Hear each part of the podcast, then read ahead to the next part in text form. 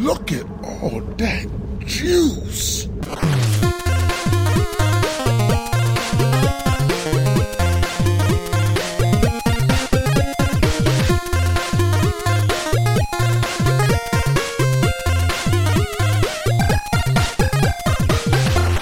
Welkom bij Buttonbashers aflevering nummer 56. De eerste van 2016.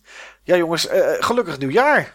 Gelukkig nieuwjaar. Gelukkig nieuwjaar. Ja, het klinkt een beetje vreemd natuurlijk. Omdat En nog deze... de beste wens. Oh ja, en nog de beste wensen inderdaad, ja.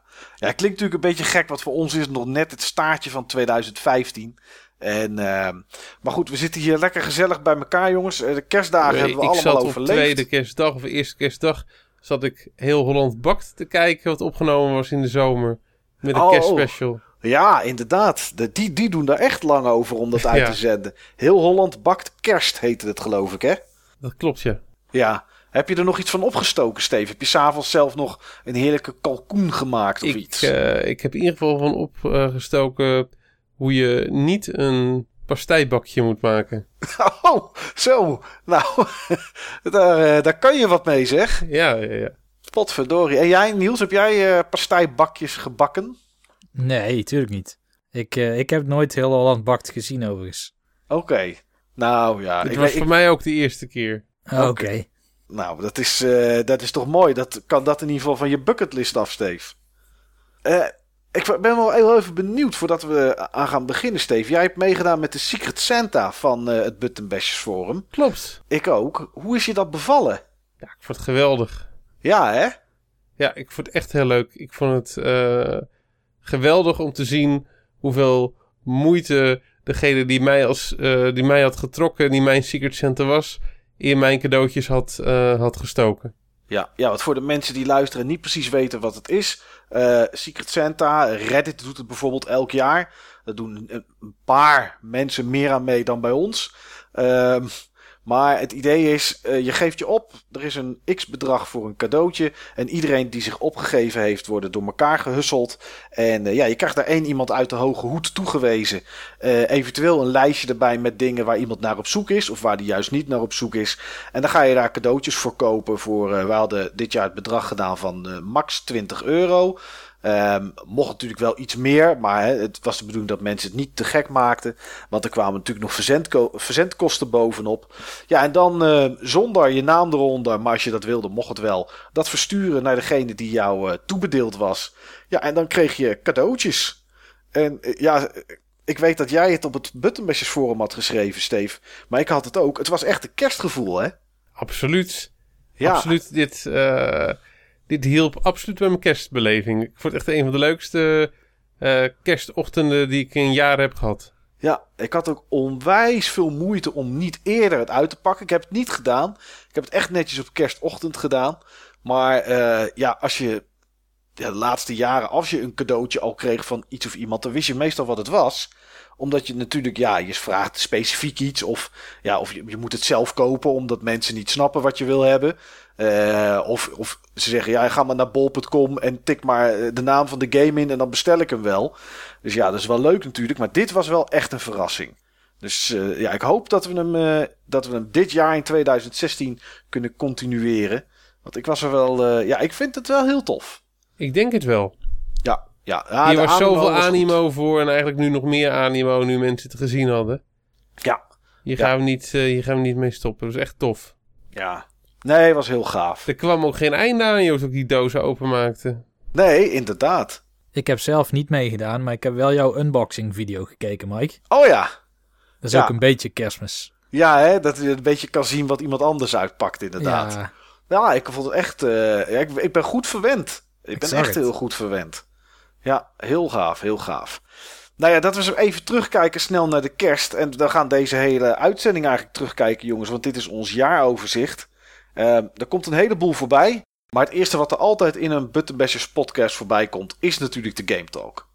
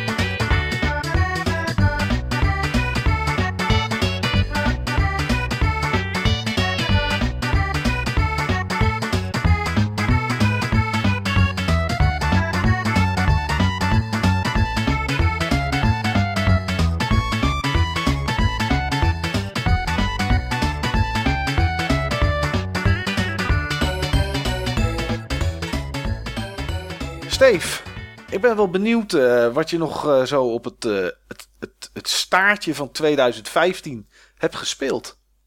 Dat is een game die niet in 2015 is verschenen. Oké, Oorspronkelijk. oorspronkelijk. Oorspronkelijk. Maar wel de remake daarvan.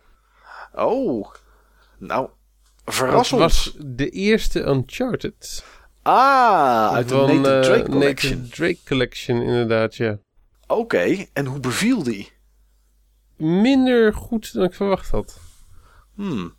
Min- eh, Had je de eerste oorspronkelijk gespeeld ook? Kort. Ja. eh, wel eens gespeeld bij een, eh, bij een maat. Die, en toen maakte hij ook best wel indruk. Alleen nu moest ik hem dan langer spelen. En nog ook achter elkaar. En het, het viel me tegen qua, qua gameplay. Oké. Ik heb de indruk tot, ehm, tot deel 2 en 3 toch wel een stuk beter zijn. Ehm, ik, eh, ik had ook wat reviews nog eh, gelezen van, eh, van Uncharted. En ehm, Van de nou, van- remake, ja, zeg van maar? speciaal van, die de- remake inderdaad, Oké, ja. Ja. En eh, de, de review van, eh, van GameSpot, daarin zeiden ze van... joh, eh, deel 2 en 3, ja, briljant en heel goed over, overeind gebleven. Maar ja, Uncharted 1 laat zien dat het eigenlijk eh, toch een hele mediocre game was. ja. En ik durf bijna te zeggen dat het wel, dat dat wel klopt in veel opzichten. ja die controls die werkten gewoon heel vaak tegen je. Ja, hè? Ja. ja. Ja, ik heb natuurlijk ook gespeeld. Ik heb het er ook een keer over gehad, inderdaad. En ja, dit is... eh, één was goed voor die tijd, maar... ah, Ja, dit, ah, hij is niet recht overeind blijven staan, inderdaad. Nee. En het ziet er allemaal veel mooier uit dan eerst. Ja, Het zeker. ziet er prima uit. Het klinkt echt tof. Ja. Eh, het geluid was denk ik hetgene wat de meeste indruk op me heeft gemaakt. Hmm. En de gunplay vind ik ook wel oké. Eh, het is niet super. Nee. Maar eh, zeker in die remake met 60 frames per seconde. Het is gewoon een stuk vloeiender dan eerst. Maar man, man, man. eh, die platform eh, controls. Slecht, En, dat klauteren. Ja. Dus, en ik had, ik had daarvoor juist, zeg maar... ehm, eh, een paar weken ervoor had ik nog, zeg maar, Darksiders 2 zitten, zitten spelen. En man, wat is het verschil dan groot. Wat Ja. is het verschil dan groot? Want in Darksiders, Darksiders 2 staat juist het boek als een van de games met de beste klim mechanics. Ja, hoe vaak ben je naar beneden geknikkerd, Steve? Vaak, Ja, denk ik, of Op een niet? gegeven moment, er waren gewoon stukken, dan bleef ik maar gaan en dan bleef ik maar gaan. En voor mijn gevoel lag het gewoon echt niet aan mij. Nee. Nee, ik weet ook ergens, in, nou ja, heel in het begin is het niet, maar na een uurtje of twee, drie spelen ben je ergens bij een soort van waterval en dan zie je, zie je van bovenaf zie je dan een soort van stenen pilaren. Dan moet je van de een naar de ander springen. Nou, ik, Ja. ik ben nog nooit zo vaak in de diepte Ja, gevallen met, met die, eh, met die truc eh, bedoel je. ja, Ja, ja, dat was Ja, echt heel ook. slecht. Dan dacht ik van, nu loop ik naar links en dan spring ik. En dan ja, bleek het achtergrond te zijn of zo. Of, nou, heel vreemd zat het in elkaar, joh. ja eh, ik vind ook dat, ehm, dat je heel slecht kan zien van wat nou iets is waar je wat mee kan en waar je niks mee kan. Wat nou achtergrond is en wat geen achtergrond is. Ja, nou ja, aan de ene kant vind ik het niet erg, omdat er later in deel 2 en helemaal in deel 3 hebben ze het zo gemaakt dat je eigenlijk waar je iets mee kan doen direct ziet. Alleen op het moment dat je erop moet springen of je moet, ja, ik, ik weet het niet, dat is, da- dan, werkt het wel, dan werkt het wel tegen je. Dat is, ik denk eh, wel dat het meer het tempo in die game eh, houdt. dat waarvoor wel, ze in deel inderdaad. 2 gekozen hebben. Want dat was een beetje mijn probleem ermee. Ja, Je haalt steeds het tempo eruit, joh. ja. Maar deel 2 lost niks op van de gunplay en van de platforming. Eigenlijk Nee. wat deel 2 het beste doet, is dat je niet meer ellenlange rijen van enemies op je afkrijgt. En ehm, ja, misschien iets sterkere setpieces dan deel 1. Ja, maar toch, als je deel, deel 2, de eerste dat omhoog klimmen bij, op, die, op de treinste, treinwagon, de treinstel. Ja, daar, de- ik denk dat er niemand is die daar valt. En Nee. als je bij Uncharted deel 1 ergens naar boven gaat klimmen op een muurtje of wat dan ook. Ja, hoe vaak ik wel niet... eh, dat hij weer naar beneden, naar beneden lazerde, mijn, eh, mijn Nathan Drake. Dat heb ik echt heel veel gehad, moet ik zeggen. Dus eh, ja, ik, nee, ja, ik, vond, ik vond het ook niet zo heel best overeind blijven, inderdaad. Ik heb deel 2 nog niet gespeeld van die Nathan Drake Collection. Jij wel, Steve? Nee. Oké. Nee, nou, eerst maar eens deze doorakkeren. ja. Maar goed, het is, het is wel vermakelijk. Toch? Oh ja, dat ze, dat ze, absoluut, absoluut. Ja, nee, het blijft voor de rest een leuke game. Maar inderdaad, eh, ja, hij staat niet zo heel recht meer overeind. Ja, Niels, heb jij ook iets eh, gespeeld wat eh, niet zo goed recht overeind blijft staan? Niet goed recht overeind blijft staan. Ja, Nou goed, dan ga ik heel even inhaken op iets wat ik eh, met kerstavond heb gedaan. oké. Er kwam wat familie bij me langs. Ja, En ehm, ik had eh, naast eh, mijn eh, tv waar de Wii U, PS4 en Xbox One aan hangen, had ik nog een extra televisie neergezet met de SNES eraan. oké. Zodat mensen Super Mario Kart konden doen en Mario Kart 8. En Oh, later zijn ze ook nog wel andere games gaan doen. Maar ehm, het is wel grappig omdat ik wel bijvoorbeeld een nichtje van mij, die, ehm, die inmiddels al een tweede kleine heeft.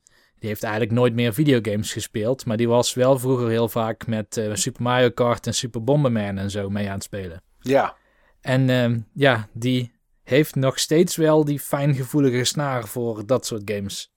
oh, dat is wel leuk om te zien dat ze dat nog steeds op kan pakken en kan spelen dan. Dat zit Ja, nog steeds ja, in de zeker. muscle memory. Het zit nog steeds in de muscle memory inderdaad. En, ehm, maar ook nog steeds wel benieuwd naar andere spellen. Want Tetris Attack bijvoorbeeld heb ik even aangezet. En NBA Jam en zo. En dat vindt ze dan ook wel leuk. Eh, maar het migreert ook gewoon prima naar Mario Kart 8. Oké. Nou, dat is wel, eh, dat is wel. Dus je hebt een Dus- avondje, avondje zitten gamen met de familie. Ja, zeker. Met een stuk of 11 of 12 man geloof ik. Oh, gezellig. Maar dat is niet de game waar ik het over wilde hebben. Nee. Eh, sommige dingen daarvan zijn al dan niet goed overeind blijven staan. Maar de game waar ik het deze keer over wilde hebben is Xenoblade Chronicles X. Ah, daar ben ik echt wel st- nog steeds stiekem benieuwd naar. Of misschien is het wel Xenoblade Chronicles Cross. Ik heb geen idee. Ja, het is wel Japan, Japanners hè? maken er soms cross van, hè? Ja, volgens mij is bijna alles cross. Maar we noemen het gewoon X. we noemen het gewoon X. Ehm, ik heb in de originele Xenoblade Chronicles zo'n 120 uur gestoken. En dat was echt geen, geen soort completionist approach of zo. Ik was wel echt aan het proberen die game uit te spelen. Ja. Ehm, dus dat is een grote game. En toen werd verteld dat deze game echt vele malen groter zou zijn dan die andere. Toen heb ik ook wel een tijdje gedacht van misschien moet ik er gewoon helemaal niet aan beginnen. Eh, maar goed, de afgelopen anderhalve week, twee weken, heb ik deze game gespeeld parallel aan The Witcher 3, Wild Hunt. Oké. En ik heb nu in beide games bijna exact 15 uur. Dus ik kan over de eerste 15 uur wel wat vertellen van Xenoblade. En dan refereer ik af en toe naar The Witcher, want ik denk dat meer mensen die hebben gespeeld. Ja, om een soort verhouding aan te geven. Ja. Ehm het zijn eigenlijk bijna tegenpolen. Oké, ondanks dat alle twee grote open wereld RPG's zijn. Ja, het zijn alle twee wel grote open wereld RPG's. Ehm Xenoblade is wel nog een stuk groter, wat je misschien op internet al wel hebt gelezen. Ja. Het verschil in de open werelden van de twee is vooral dat Xenoblade echt helemaal seamless is. Oké. Dus jij kan, eh, ja, je hebt alleen ehm, zo'n stad in het begin, New Los Angeles. En dat is een aparte, laat ik het instance noemen of zo. Maar de rest, alle grotten, alle continenten en zo, je kan aan één stuk doorrennen. Je kunt helemaal door die wereld heen zonder ooit een laadscherm verder tegen te komen. Nou, dat is wel netjes gedaan. Ja, absoluut. Ehm, oh nee, wacht. Het is niet New Los Angeles. Het zijn de barracks in New Los Angeles. Dus New Los Angeles zelf kun je ook gewoon helemaal à la free roaming zonder laadschermen doen. En The Witcher is natuurlijk wel met af en toe een laadscherm. Ja. Ehm, nog een verschil is dat in The Witcher zit de open wereld soms in de weg. En bij Xenoblade is het vaak een hulpmiddel. Of zit het wat beter in de gameplay verwoven. Ehm, beide games hebben extreem veel sidequests. Waar je heel veel in de wereld dingen moet doen. En The Witcher heb jij het al een keer over gehad in de podcast. En, eh, waarin Ja. je vooral zei dat het zo knap is dat er zoveel sidequests gebeuren. tijdens dat je ergens nou op weg bent. Ja. Alleen, eh, dat vond ik op zichzelf wel meevallen. In, tenminste in de eerste 15 uur. Ik weet niet hoeveel verder jij bent gekomen. Nou, ik denk ook zoiets. Oh, oké. Nou ja, meestal heb ik, een, heb ik een quest geactiveerd. En kom je heel misschien een bandit of zo tegen onderweg.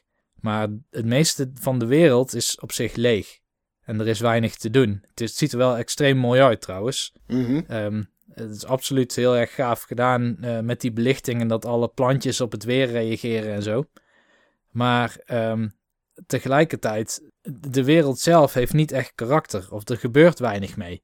Is dat in, eh in Xenoblade Chronicles X anders? Ja, dat is voor mij in ieder geval, en, en ik denk ook voor de meeste spelers trouwens, eh, gewoon helemaal anders. Want in Xenoblade X is het lopen door de wereld zelf überhaupt al onderdeel van het spel. Dus het is niet om de quests verder uit elkaar te leggen, zodat jij eh, wat meer tijd besteedt aan het, aan het tussen questje begeven. Ja. Maar het ontdekken van de wereld zelf is je main quest in zekere zin. Oké, dus de, het, de, de, wereld is niet een plek waar quests liggen zodat je er kan komen.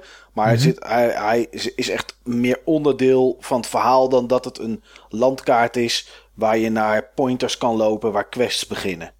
Het, op zich is het beide, maar het verschil is vooral... Kijk, in Xenoblade, je bent een, een beschaving, een menselijke beschaving... die is neergestort op de planeet Mira.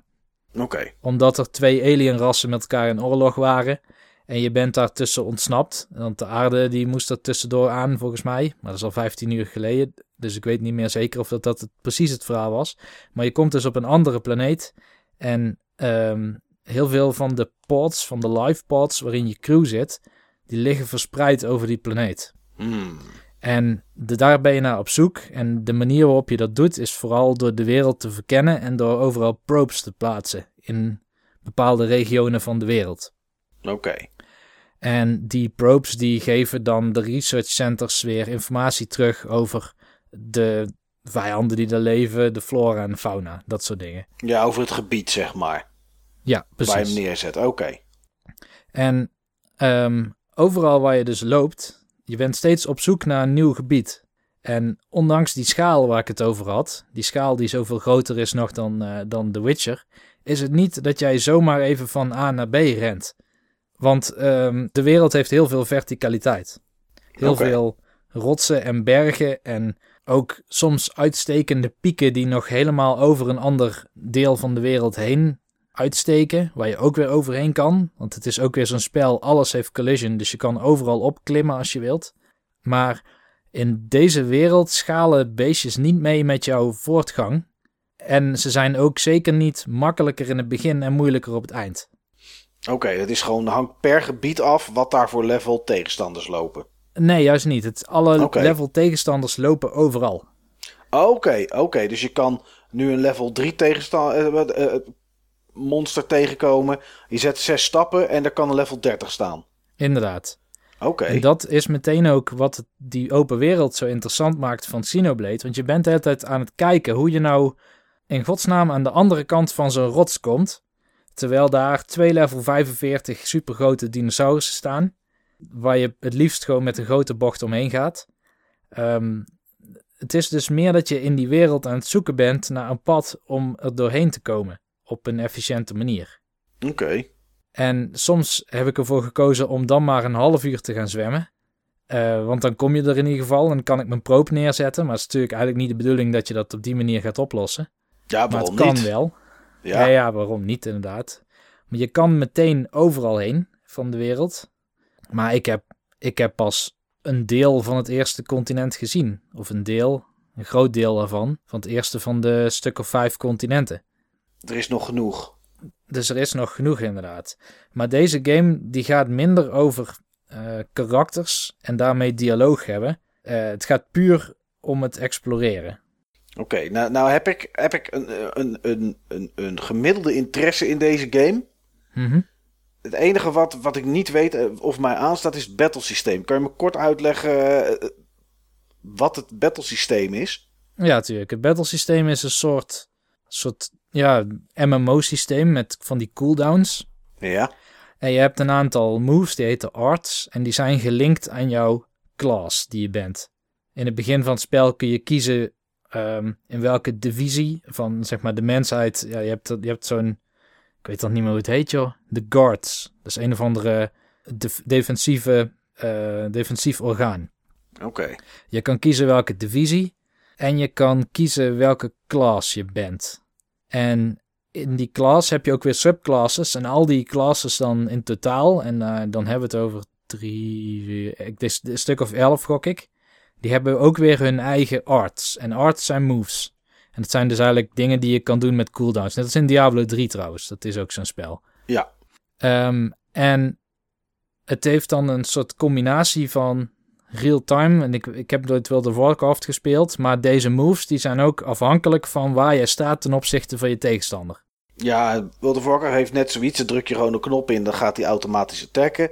En dan kan je, eh, dus dat is niet zo real-time. En dan kan je eh, je abilities kan je dan loslaten. En ja, afhankelijk van afstand of hoeveel tegenstanders er in de buurt staat, lukken die wel of lukken die niet. Of eh, Ja, ja. met cooldown inderdaad.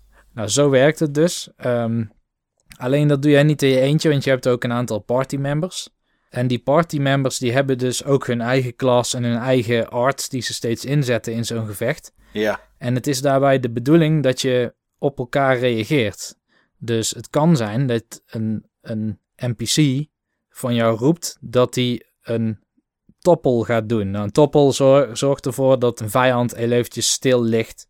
Ehm, is en even gestunt, zeg maar. dan is hij even gestunt. En er zijn bepaalde moves die je daarop kan doen als reactie van een toppel. Waardoor je extra damage doet of waardoor je je hele party hield en zo. Dus op het moment dat je gewoon op een ego-trip bent en je probeert gewoon maar de sterke move te spammen, dan ga je het waarschijnlijk niet halen. Het is echt de bedoeling dat jij een soort setup doet waar een NPC dan weer op reageert en waar jij dan weer iets mee kan doen. En dan is er weer een andere NPC en die triggert dan weer een soort buff of debuff. Dus het is best wel actief voor een systeem met heel veel van die passieve effecten. Oké. En eh, het grappige is, je kan deze game ook online spelen. Ik speel hem eigenlijk altijd online, alleen eh, trek ik mijn eigen plan daar binnen. Eh, dus dan zie je wel dat andere spelers bepaalde dingen aan het doen zijn. En je hebt altijd een soort globale quest. En je ziet dat mensen daarover aan het chatten zijn en proberen die quest op te lossen. Maar je hebt ook een soort raids. Waarin je dus met echt met mensen een eindbaas neer gaat proberen te krijgen.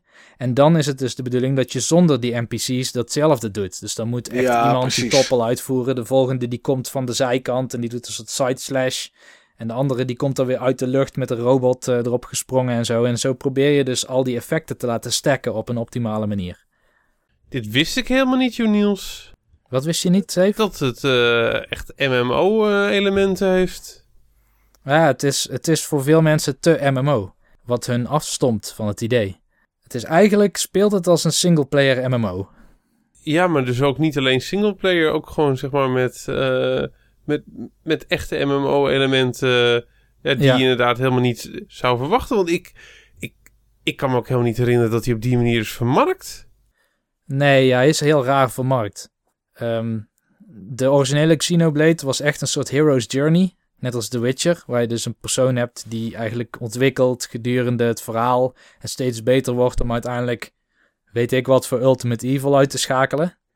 Maar dit is een heel ander soort spel. Dit is, je bent nou op een wereld, eh, de, je bent eh, helemaal niet de uitverkorene held. Maar eh, je bent gewoon onderdeel van het systeem, zoek de wereld maar uit. Zo word je ook gedropt. En vervolgens heb je heel veel van die fetch quests. Ik heb, eh, ik heb vandaag nog een, eh, een, een fetch quest gedaan van iemand wiens espresso-apparaat kapot was. Waarvoor ik onderdelen moest gaan regelen. Kijk, dat zijn de quests, daar kom je je bed vooruit. Dat precies. Maar kan je, als je, de, als je een online in, zeg maar, als je hem in MMO's, de echte MMO-stand zet, dus dat je online gaat spelen, ja. ehm, ehm, kan je dan de quests die jij hebt met anderen samen doen, of zijn daar losse quests voor? Dat zijn losse quests. Oké, dus je kan gewoon single player doen en, eh, zonder hinder te hebben van anderen. Ja. Want als jij dan een, een, een quest gaat doen en, en je moet een espresso-apparaat onderdeel vinden, kunnen anderen jou daar wel dan bij helpen?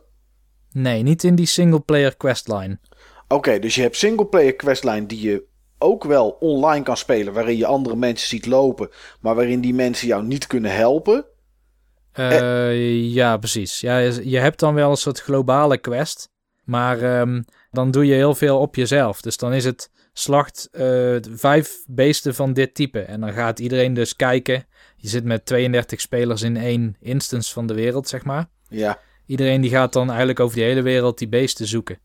Oké, maar als, als, als je nou een singleplayer quest hebt van sloop vijf van die beesten, dan, dan, dan kunnen anderen jou daar niet bij helpen. Nee, dan niet. Nee. Oké, dus eigenlijk zit er geen voor- of nadeel aan aan de game online spelen. Want je kan je singleplayer gedeelte toch als singleplayer gewoon doen. Ondanks dat er, eh, dat er eh, andere mensen lopen. En als je online quests, zeg maar om ze zo te noemen, wil doen. Dan kan je dat doen samen met die andere mensen die ook online zijn. Ja, klopt. En je kan je ook nog kiezen of dat je met de hele wereld wilt doen of alleen met je vrienden bijvoorbeeld. Jeetje, het klinkt toch wel interessant hè Steve? Ja, eh, dit vind ik wel hele leuke elementen. Ja. Ja. Maar waar ik aan denk dat voor sommige mensen dit spel minder maakt dan bijvoorbeeld The Witcher, is ehm, je hebt niet echt van die ehm, karakters die met jou mee ontwikkelen of waarin je met een dialoogboom zijn loyaliteit kan bepalen. Nee, precies. Je hebt wel eh, dialoogopties en die opties hebben ook wel invloed op jouw relaties met NPC's, met NPC's in je team of, of daarbuiten. Eh, affinity heet dat. En daar kun je ook quests mee doen om, eh, om die affinity te verbeteren. Want daardoor krijgen ze betere bonussen als ze dingen samen doen. Maar het is niet net als bij The Witcher dat je ehm, bijvoorbeeld ehm, ergens erachter komt dat iemand een weerwolf is. En dan kan kiezen om hem af te maken of niet af te maken. Dat soort morele keuzes zitten hier eigenlijk niet in. Nee, oké. Dus da- wat dat betreft is het wat meer oldschool RPG, zeg maar. Ja, het is meer oldschool. En ik denk dat de lol hem vooral in zit in hoe die wereld is ingezet en hoe je daardoor navigeert. Bij The Witcher is buiten de paden meestal niks te beleven. En hier is juist alles daar te beleven. Hmm. Dus daar ga je vooral. Ik, ja, ik loop ook soms zonder quest gewoon door die wereld heen. Overal liggen soort ja, edelstenen, zou ik het maar noemen. En dat zijn generieke pick-ups. Dus op het moment dat je daar overheen loopt, dan krijg je iets. Je kan van buiten niet zien wat het is. Dus überhaupt het rondlopen door het gebied levert al XP op en allerlei loot die je misschien weer nodig hebt in een toekomstige quest. Dus het komt ook vaak genoeg voor dat je, ehm, dat je een quest aanneemt en dat je blijkt al die, al die Onderdelen al te materialen hebben. te hebben. Juist. Ja. En dan speel je hem ook meteen uit. Oké. Nou, ik ben wel benieuwd, Niels, als je er wat meer uren in hebt zitten. eh, om er nog eens een keer wat over te horen. Want ik vind het. Ja, het trekt me ergens. Met Dit, name of het leuk blijft. ja, dit trekt me Ja, allemaal, ja. allemaal wel. Maar ik weet ook als je level. nou, of als je level 30 bent of als je er 30 uur in hebt zitten, dan, dan krijg je je eerste mech, geloof ik, waarin je dan kan rondlopen. Ja. En ik weet niet of dat verplicht is of niet, of dat je die echt nodig hebt. Want dat is namelijk iets wat mij enorm tegen het borst stuit. Nee, dat is niet verplicht. Oké, potverdorie. Ja, ik gaan- zou niet weten waarom je die niet wilt. Ja, omdat ik, ik haat mechs. Oké, oké. Ik, ik vind het echt verschrikkelijk. Als je die echt haat, Ja, dan zou ik er niet aan beginnen. Want sowieso Mooi. in Nieuw Los Angeles lopen overal mechs. ja. En die worden daar gebouwd en zo. Nou, ik vind niet erg dat ze er lopen, maar ik wil er niks mee te maken hebben eigenlijk. Ja, het hoeft dus niet. Inderdaad. Het hoeft dus niet. Nee, chips. Zeg ik ik, geloof dat eh, Rookworst op het forum hem al heeft uitgespeeld, hè? Ja, die heeft er iets van 70 of 80 uur in zitten, inderdaad. Ja. Ja, nou goed, ik ga het nog wel eens in de gaten houden, eh, deze game. Maar het blijft in ieder geval wel op de radar staan. Dat, eh, dat is zeker. En jij zelf, Michael? Ja, dat is een stomme vraag natuurlijk, Niels. Ja, ik weet het, hè? Ja, jij weet het.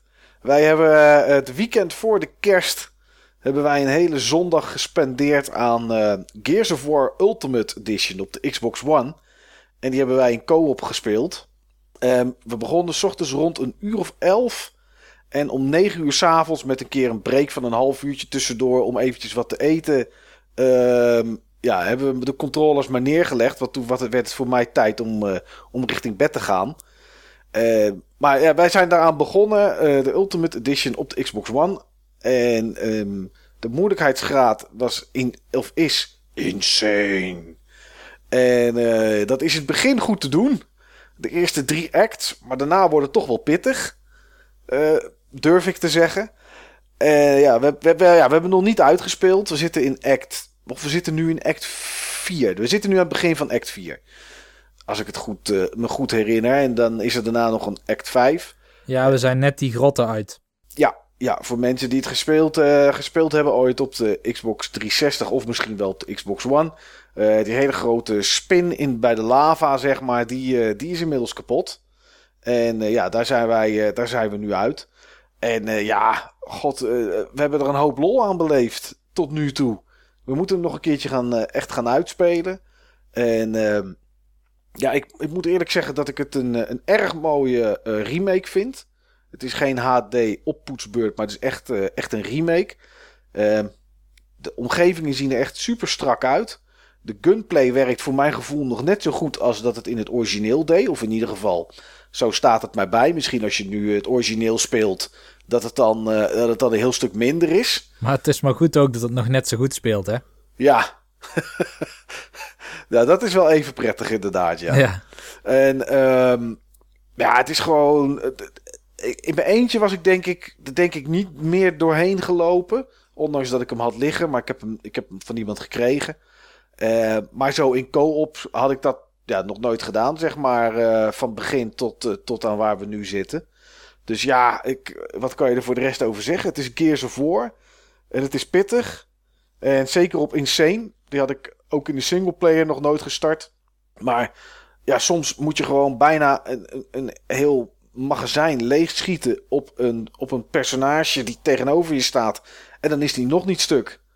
Ehm, en dan proberen de active, eh, de active reload eh, goed te timen om, eh, om door te knallen. Maar ja, dat is, soms is het geen doen, Niels. Dan waren die kogels ook net even iets sterker, toch? Met die active reload. Ja, dat is per wapen verschillend. De ene keer krijg je dan een gedeelte van je magazine dat dan, wat dan sterker is. De andere keer schiet hij wat sneller. Dus het hangt een beetje van, de, van, van je wapen af. Maar ehm, ja, vooral de stukken waarbij je... eh, er zitten een aantal stukken in waarbij je een kant moet kiezen. En dan gaat de ene speler linksom en de andere speler rechtsom. Soms kan je elkaar wel iets helpen. Maar ook heel vaak ben je ja, zeg maar losstaand van elkaar. En ja, dat zijn de stukken waar het het meest misgaat. Want ja, dan, dan kan je elkaar niet overeind helpen als je op de grond ligt. En eh, ja, dat, er zijn stukken geweest, Niels. Volgens mij zaten we daar een, gewoon een half uur tot 40 minuten. Waren gewoon met één of twee ruimtes bezig om alles leeg te schrapen. Ja. En ja, dan gingen we daarna weer dood en konden we het weer opnieuw doen. Ja, ik denk dat die stukken waar je opsplitst, zijn wel mijn minst favoriete stukken. Op eentje na natuurlijk. Ehm, En dat is het stuk waarbij je opsplitst, eh, eh, semi-verplicht, om met die lamp te schijnen om eh, door een stad heen eh, te werken. oh ja, dat is wel een leuk stuk. Dat was Ja. echt cool. Ja, ja, het was in mijn gedachten veel langer. Maar goed, het was, eh, het was op zich vrij, vrij kort. Maar dat is wel een hele toffe eh, manier van co-op. Dat stuk met die karretjes vond ik ook wel gaaf, hoor. Met dat rijden, ja, dat was, eh, dat was, ook, wel, eh, dat was ook wel gaaf. Vooral omdat je dan een beetje kan overleggen. En zeggen, oké, ik ga nu stilstaan bij het licht... zodat die soort vleermuisachtige wezens je niet kunnen aanvallen. En ja, het is, het is, er zit zoveel... Ondanks dat er heel veel schieten in zit... zit er ook best wel een hoop afwisseling in. En dat maakt de game eigenlijk nooit echt saai. Nee, Gears 1 vind ik echt zo'n fantastische game. Die zit wel echt in... Nou, we hebben het hier natuurlijk over de beste games van 2015. Maar het is voor mij wel een van mijn favoriete games aller tijden. Nou, En dat heeft alles te maken met dat insane. En die variatie die je net ook noemde. Er zitten zo'n iconische dingen in. Ik zit nu al te denken bijvoorbeeld aan het gedeelte waar je niet in het donker mag komen. Omdat er dan van die, van die locust swarm dingen voorbij komen en je opeten. ja. En dat je dan van die jerrycan tonnetjes moet kapot schieten zodat die in de fik schieten. En dat er dan een vuur is waardoor je weer wat meer licht hebt om je door de straat te kunnen begeven. En dat terwijl je overal wordt beschoten. Dat Ja. vind ik echt super goed bedacht. Ja, er gebeuren heel vaak heel veel. Heel, heel vaak gebeuren er eigenlijk twee soort gameplay elementen tegelijkertijd. Ja, En dat is daar inderdaad, eh, dat is daar inderdaad ook mee. Hetzelfde ook met, met het donker. Dat één staat boven met een lamp te beschijnen. En de ander kan dan doorlopen. Maar er zijn ook tegenstanders. En ja, weet je, laat je die lamp los en ga je meehelpen met schieten. Of, of laat je degene die op straat loopt, laat je, dat, laat je die dat doen. Want wij deden het eerst dat ik met de lamp ging schijnen en jij ging lopen, Niels. Alleen, ja, dat werkte niet zo goed, want je had de sniper gun niet. Die had ik op dat moment. Dus ja, dan gingen we toch weer wisselen. En dat is, ja, de samenwerking is gewoon heel gaaf als je hem co-op speelt. Ja. Dus eh, ja, dat is, eh, dat is wat ik eh, een, beetje gespeeld heb de, laatste twee, drie, de laatste twee, drie weken. Brings back memories. Ik heb Zeker zo weten. genoten van die game. En inderdaad in co-op, inderdaad op Insane. Dat was echt goed. Ja. Echt heel goed. Ja, ja pittig, maar het is echt, ja, als je weer een stukje gehaald hebt, dan voelt dat wel, ja, het voelt als overwinning aan. En dat, Ja. en Spannend. Dat was ja. echt spannend. Ja, en als een game dat heeft, het is ook wel eens frustrerend, maar het, ja, het is uh, nee, heel tof. Dus ik hoop Niels dat we die in 2016 in ieder geval nog ergens eens een keer uh, gaan uitspelen. Maar ik gok dat dat wel moet lukken. Ja. Het zal waarschijnlijk wel weer een hele zondag kosten omdat het alleen maar moeilijker wordt vanaf nu af aan. Maar uh, dat is voor de rest uh, prima. En er zit, en er zit natuurlijk extra content uh, zit er in de Ultimate Edition. Want de extra levels en, en, plekken die in de PC-versie zaten. Nadat die uitgekomen waren, die zitten hier ook in. Dus we hebben vast nog wel een stukje voor de boeg. Ja, ehm, het is de laatste aflevering van 2015 die we opnemen. Dat is traditiegetrouw aan de Buttonbashers podcast altijd het jaaroverzicht. En uh, ja, we van alles op de planning staan. We hebben lijstjes, we hebben terugblikken, uh, we hebben een jaaroverzicht. Ach, laten we maar gewoon snel beginnen.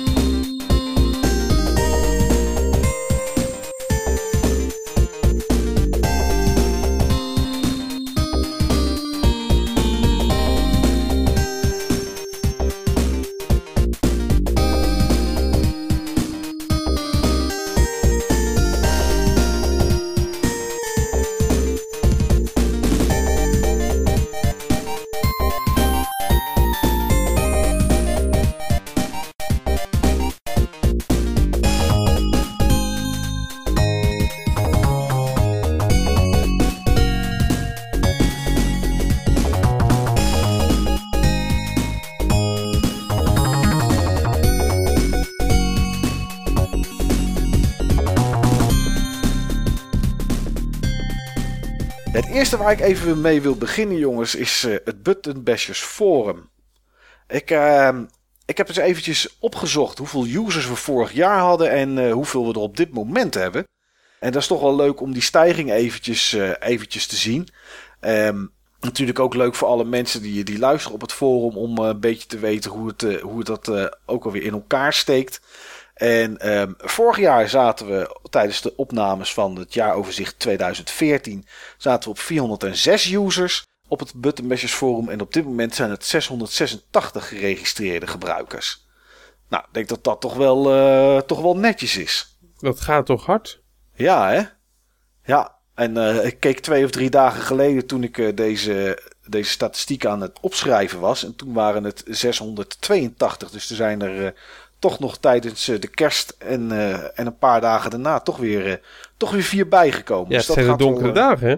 Ja, mensen gaan een beetje verlichting zoeken natuurlijk. En ze zien die heldere ster. Ja, dat, de heldere ster op internet. En dat moeten wij dan wel zijn met het, uh, met het forum. In Bethlehem.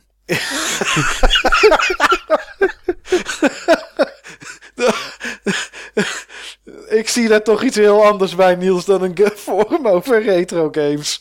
Dat is waar. Oh, andere podcast, andere podcast.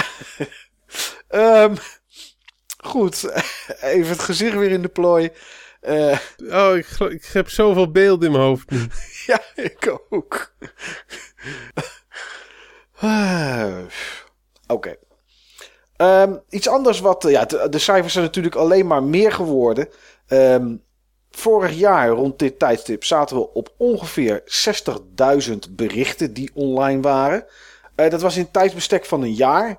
Uh, nou, gelukkig, ondanks dat we meer, wel meer gebruikers hebben die online zijn, is, de, is dat uh, meer dan verdubbeld. Want we zitten boven de 122.000 berichten die getikt zijn.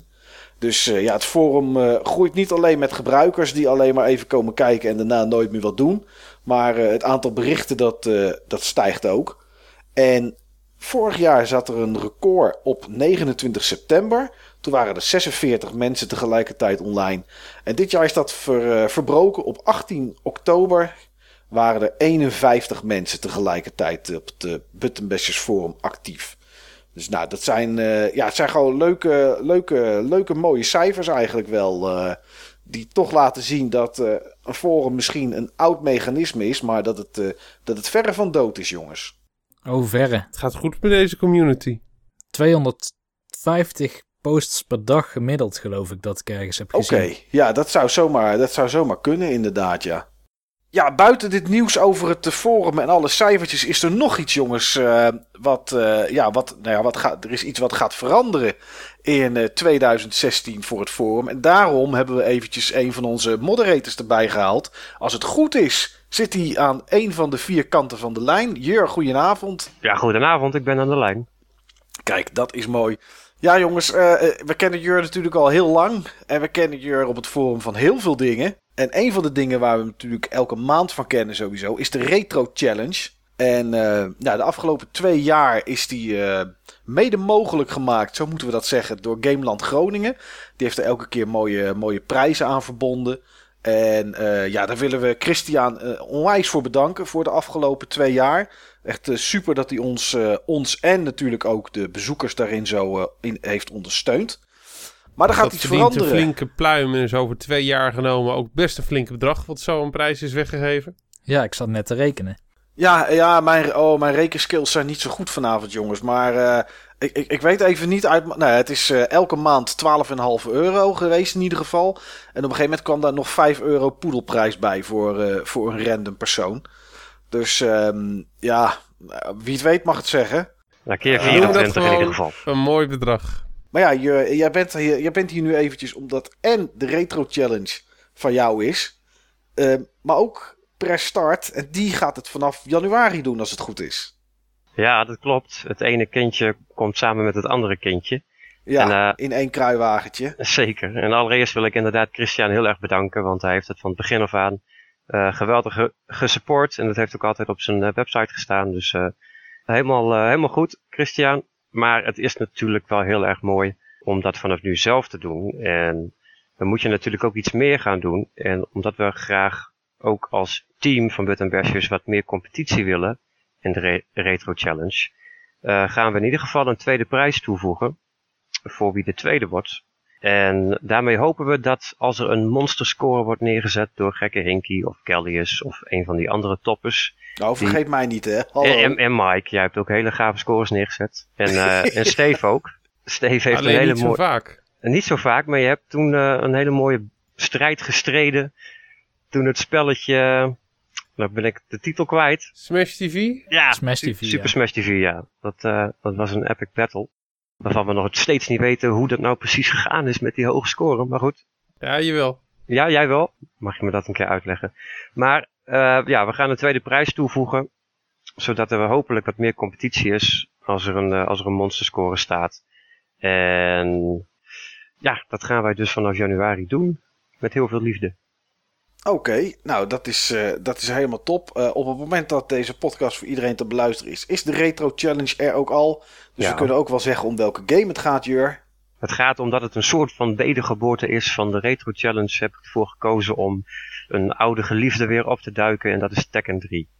Ah, daar heeft, we hebben volgens mij best wel een hoop mensen aan meegedaan destijds, hè, aan die Retro Challenge. Ja, zeker wel. En het was ook best wel spannend. Alleen eh, de Retro Game Brothers, ik heb gisteren even gespiekt, die hebben die eh, challenge gewonnen. Het ging om, eh, om het survivalen en eh, die hadden de meeste tegenstanders in de pan gehakt.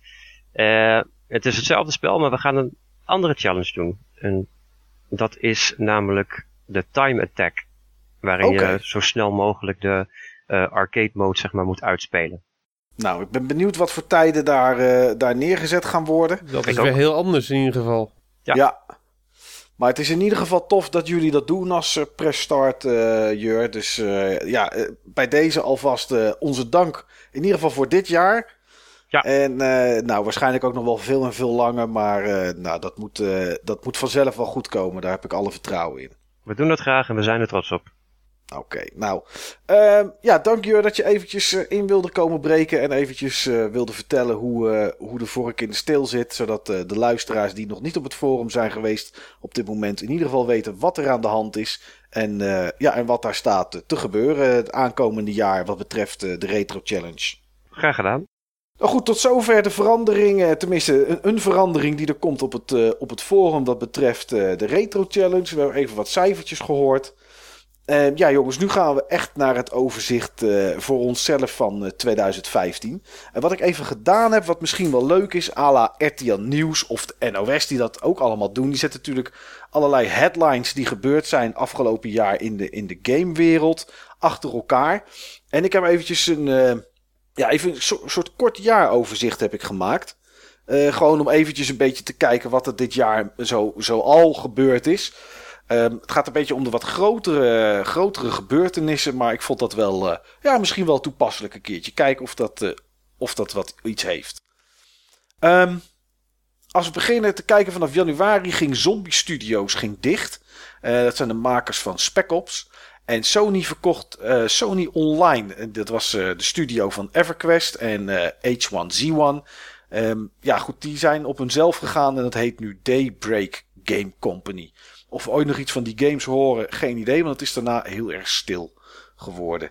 Um, website Joystick ging offline, die werd gesloten door AOL. En ook de computer- en videogames website, zoals die heette, verdween. En die werd opgeslokt door Gamesradar. Uh, IE sloot het hoofdkantoor van Maxis. Dat zijn uh, de mannen en vrouwen van SimCity en van Spore. Maar wat ze met die mensen gedaan hebben, die hebben ze op mobiele games gezet. Daar word je blij van als ontwikkelaar. Ja, ja. Ja, ja, het is of dat of geen baan meer. Dus ik denk dat ze het met beide handen hebben ja, aangenomen. Okay. Maar ja. ja, wie ook wat mobiels ging doen, uh, of in ieder geval bekend maakte, was natuurlijk Nintendo. Die, die maakte hun uh, samenwerking met DNA bekend voor mobiele titels. En um, bij 2K gingen er twee studio's dicht. De ene was in, uh, in Australië. Dat waren de makers van Borderlands, de pre-sequel. Maar ook sloot 2K het 2K China. En die werkte aan Borderlands Online. Nou, die game die gaan we dus nooit meer zien. Uh, Phil Harrison, de man die het grote hoofd was bij Microsoft Studios, vertrok sowieso bij Microsoft. En wat ook vertrok was OnLive. Dat was een streamingdienst. Die werd opgekocht door Sony. En die hebben dat merk laten varen. En gebruiken voor de rest alleen het netwerk voor hun PlayStation Now. Hebben ze dan nou Gaikai of Gaikai? Ja, ja Gaikai. Dat hoorde... Klopt, ja, hebben ze en allebei. Twee. Ja. Ze hebben het allebei. Ja. Ah, oké. Okay. Ja. Uh, Square Enix die opende een nieuwe studio genaamd de Tokyo RPG Factory. Uh, en terwijl die hun deuren opende, sloot Nintendo hun Club Nintendo dit jaar. En uh, is die er niet meer. Ehm, ja, uiteraard weten we allemaal nog dat uh, Iwata overleed op 55-jarige leeftijd. En dat uh, ongeveer twee maanden later Tatsumi Kimishima de nieuwe president werd van Nintendo. Um, EA heeft nog wel een nieuwe studio geopend, ondanks dat ze ook uh, Maxis sloten. En dat was EA Motive. En die wordt geleid door Jade Raymond. En die kennen we natuurlijk nog uit de tijd van Ubisoft en haar Assassin's Creed games. Uh, Windows 10 is uitgekomen. Uh, inmiddels ook uh, voor, de Xbox, voor de Xbox One een onderdeel daarvan. En Sony hernoemde Project Morpheus naar PlayStation VR. Microsoft kocht in de tussentijd Havok op van Intel. En Ubisoft die kocht ook wat. Bijvoorbeeld ontwikkelaar Ivory Tower. Dat zijn de makers van The Crew. En ze kochten ook Longtail Studios. En dat zijn de makers van Rocksmith. Alle twee games die ze eerder uitgaven. Maar uh, dat was echt puur alleen uitgeven. En waren nog niet uh, de studio's onderdeel van Ubisoft zelf. Activision die trok ook de knip. Nou, dat weten we allemaal nog. Voor King. De makers van Candy Crush. En Konami sloot een studio in Los Angeles. Terwijl Kojima aan de andere kant zijn eigen productiehuis begon. NC-Soft lanceerde een mobiele studio, Iron Tiger. En NC-Soft kennen we natuurlijk vooral vanuit het Aziatische gedeelte van de wereld met hun MMO's. Dus nou, wie weet gaan we daar nog wel eens grote games van zien.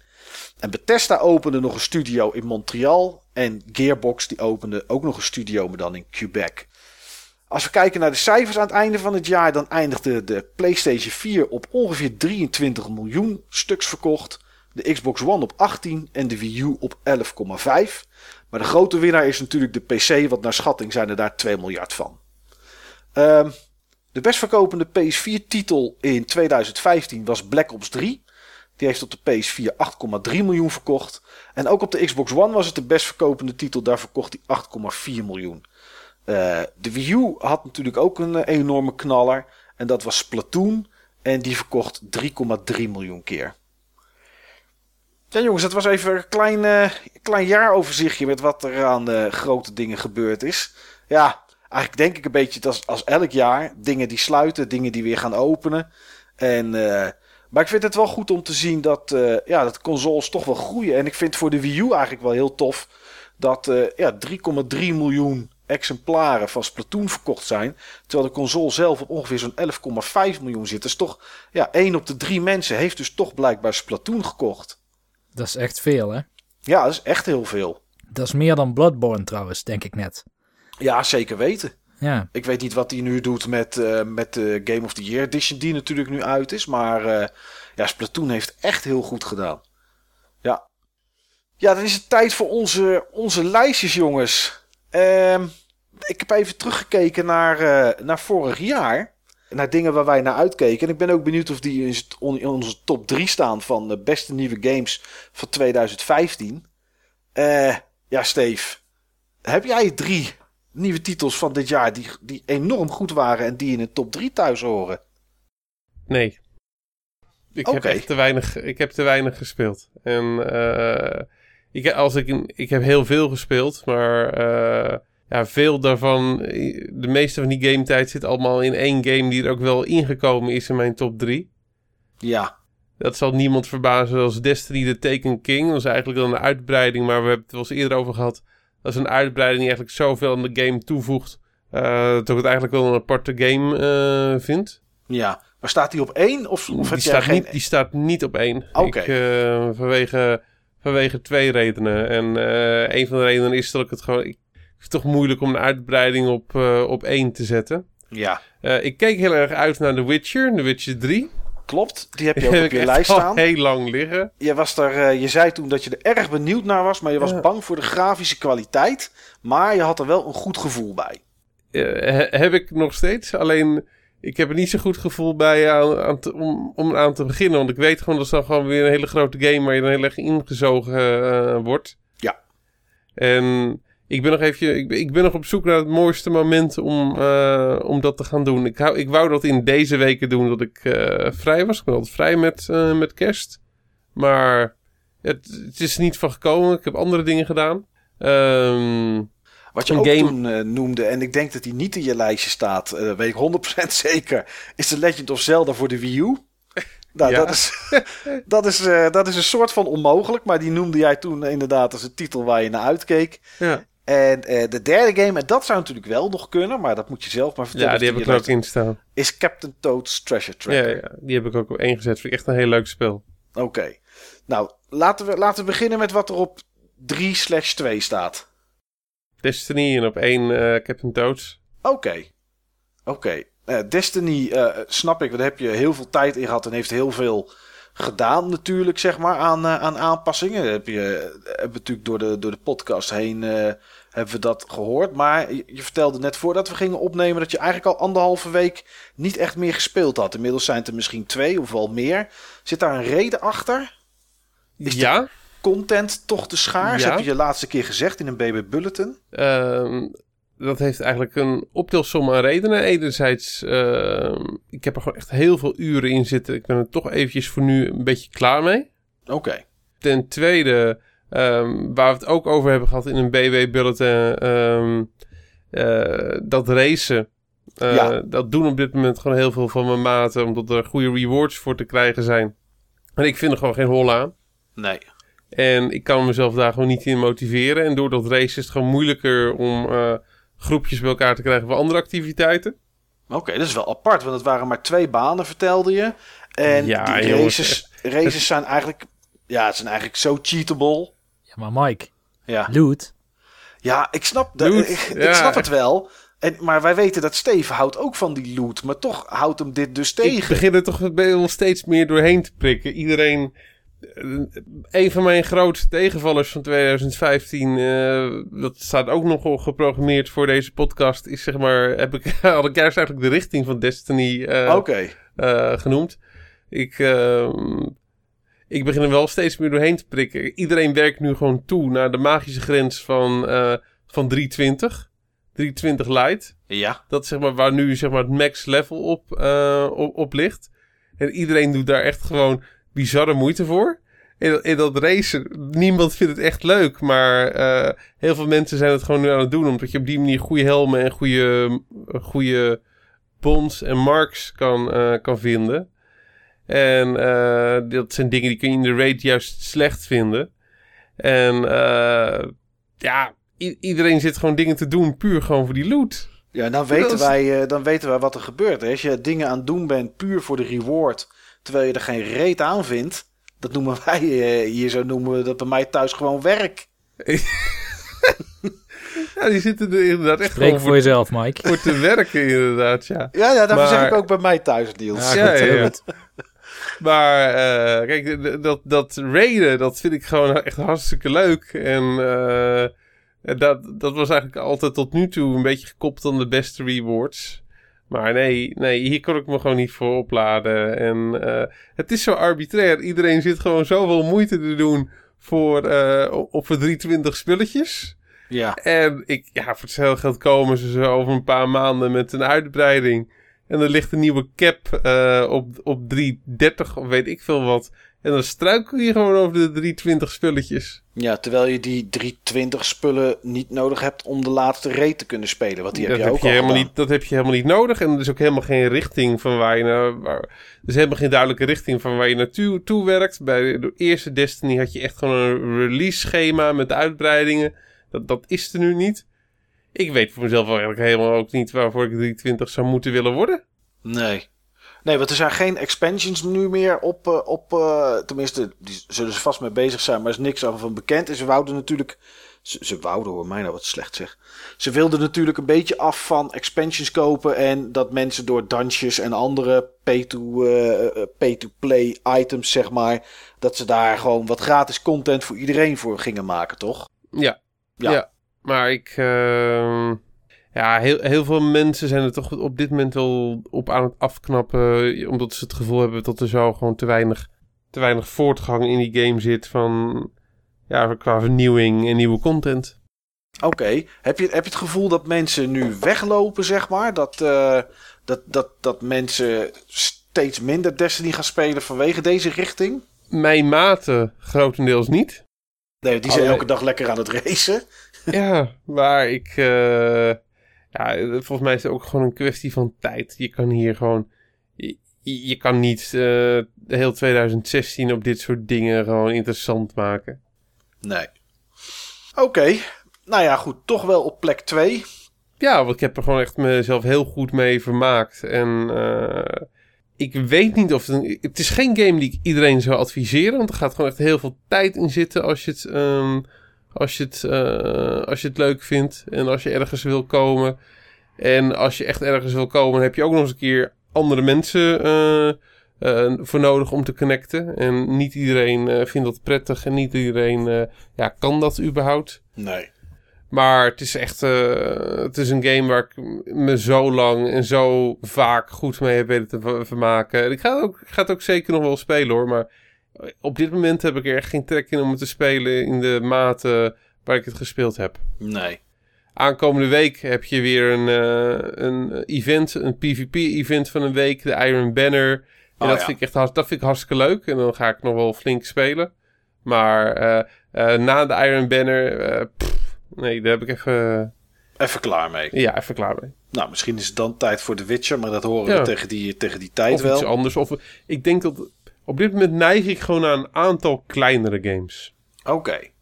Zoals bijvoorbeeld Captain Toad's Treasure Tracker. Ja, precies. Want dat, is, eh, dat is, zijn kleine potjes die je elke keer eh, Ja, kan dat, spelen. vo- dat vind ik nou echt een heel leuk, charmant spel. Ja, Ik had het een tijdje geleden, had ik het nog ehm, een hele avond zitten spelen met, eh, met een buurman van me. En ja, gewoon eventjes gewoon een paar, eh, paar velden, even een paar potjes. Nou, we hebben het echt een hele avond zitten doen. ja zeker hij als je alles wil hij heeft verzamelen. inmiddels zelf ook gekocht, inclusief een amiibo. Oké. Dus je Dus hebt ja, hem, het is, eh, Captain Toad's Treasure Tracker is een, is een spel wat ik wel iedereen aan kan bevelen met een, met een Wii U. Ehm, en ja, ik, ik was er enthousiast over op basis van dit soort levels in eh, Super Mario 3D World. Ik Ja. was er enthousiast over op basis van, eh, van de trailers en mijn gevoel erbij. inderdaad eh, toch wel ook flink gespeeld te hebben, ben ik er nog steeds enthousiast over. En vind ik het echt een heel leuk en verzorgd spel. Denk je dat het iets is waar een deel 2 van zou kunnen komen, Steve? Als ze nieuwe levels en misschien een nieuwe mechanic erin zouden bouwen? Of is het een eenmalig iets? Het, het verbaast mij überhaupt dat er nog geen ehm, 3DS-versie van is. Ja, die zou zich daar wel prima voor lenen. echt enorm. En ik, ik had hem persoonlijk ook helemaal niet op de Wii U verwacht. Ik had hem echt verwacht eh, dat ze nog eens een keer hier wat mee gingen doen op de 3DS. Maar eh, Ik had niet verwacht dat er een disc echt van zou komen. Het leek me echt zo'n downloadable titeltje. Nou, het heeft wel veel meer content dan je zou denken in eerste opzicht. Ja, dat heeft het zeker. En dat is, dat is, dat is waarom, en dat wisten we natuurlijk aan het begin, wisten we dat natuurlijk niet. En eh, ja, ik, ik had hem uitgespeeld, dus ik, ja, ik verbaasde me elke keer weer dat er, dat er nog meer en nog meer content was, inderdaad. Maar dat wist, was natuurlijk iets wat we van tevoren natuurlijk niet zo goed wisten. Nee. wisten niet hoeveel levels erin zouden zitten. En eh, nou, ik, ik weet nog uit die tijd dat me ook verboden werd om, eh, om bepaalde dingen te vertellen over de game. Wat er nog aan, eh, aan extra content in zat. Dus ehm, ja, wat dat betreft verbaasde mij dat ook wel. Alleen ik, ja, ik, ik vroeg me wel af of een, of een deel 2, zeg maar, die nou, meer van hetzelfde zou zijn. Of, dat, of, of, ja, of daar nog genoeg, genoeg mensen geïnteresseerd in zouden zijn, zeg maar. Maar ja, goed, dat weten we pas waarschijnlijk als ze het maken. Misschien dat dan wel als downloadable title. Ja, precies. Ja. ja. Of misschien extra levels. Want dat hebben ze natuurlijk nog steeds niet gedaan. Ze hebben alleen eh, support voor, de, voor een Amiibo hebben ze erin gegooid. En dat je Luigi's dan kan zoeken. dat je Toads kan gaan zoeken. Eh Toads, dat was het inderdaad. Ik dacht, Luigi's zaten er al in. Alleen daar kon je niet zo heel veel mee. Eh, maar Toads inderdaad, die je dan kan zoeken als je de Toad Amiibo erop zet.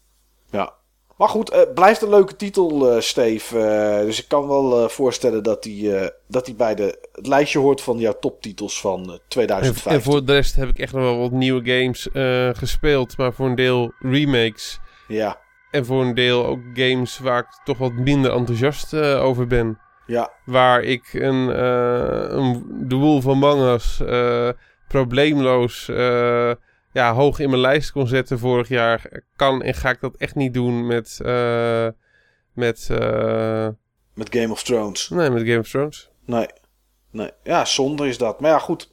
Niet elk jaar eh, kan super zijn wat games betreft. Al moet ik wel zeggen dat ik voor mijn gevoel ook gewoon niet, ehm, niet de echte toppers heb gespeeld. Oké. Nou ja, goed. Er is altijd nog tijd voor Steve. Ze lopen gelukkig, eh, ze lopen gelukkig Zolang we ademen, kunnen we dat doen. Ja, toch?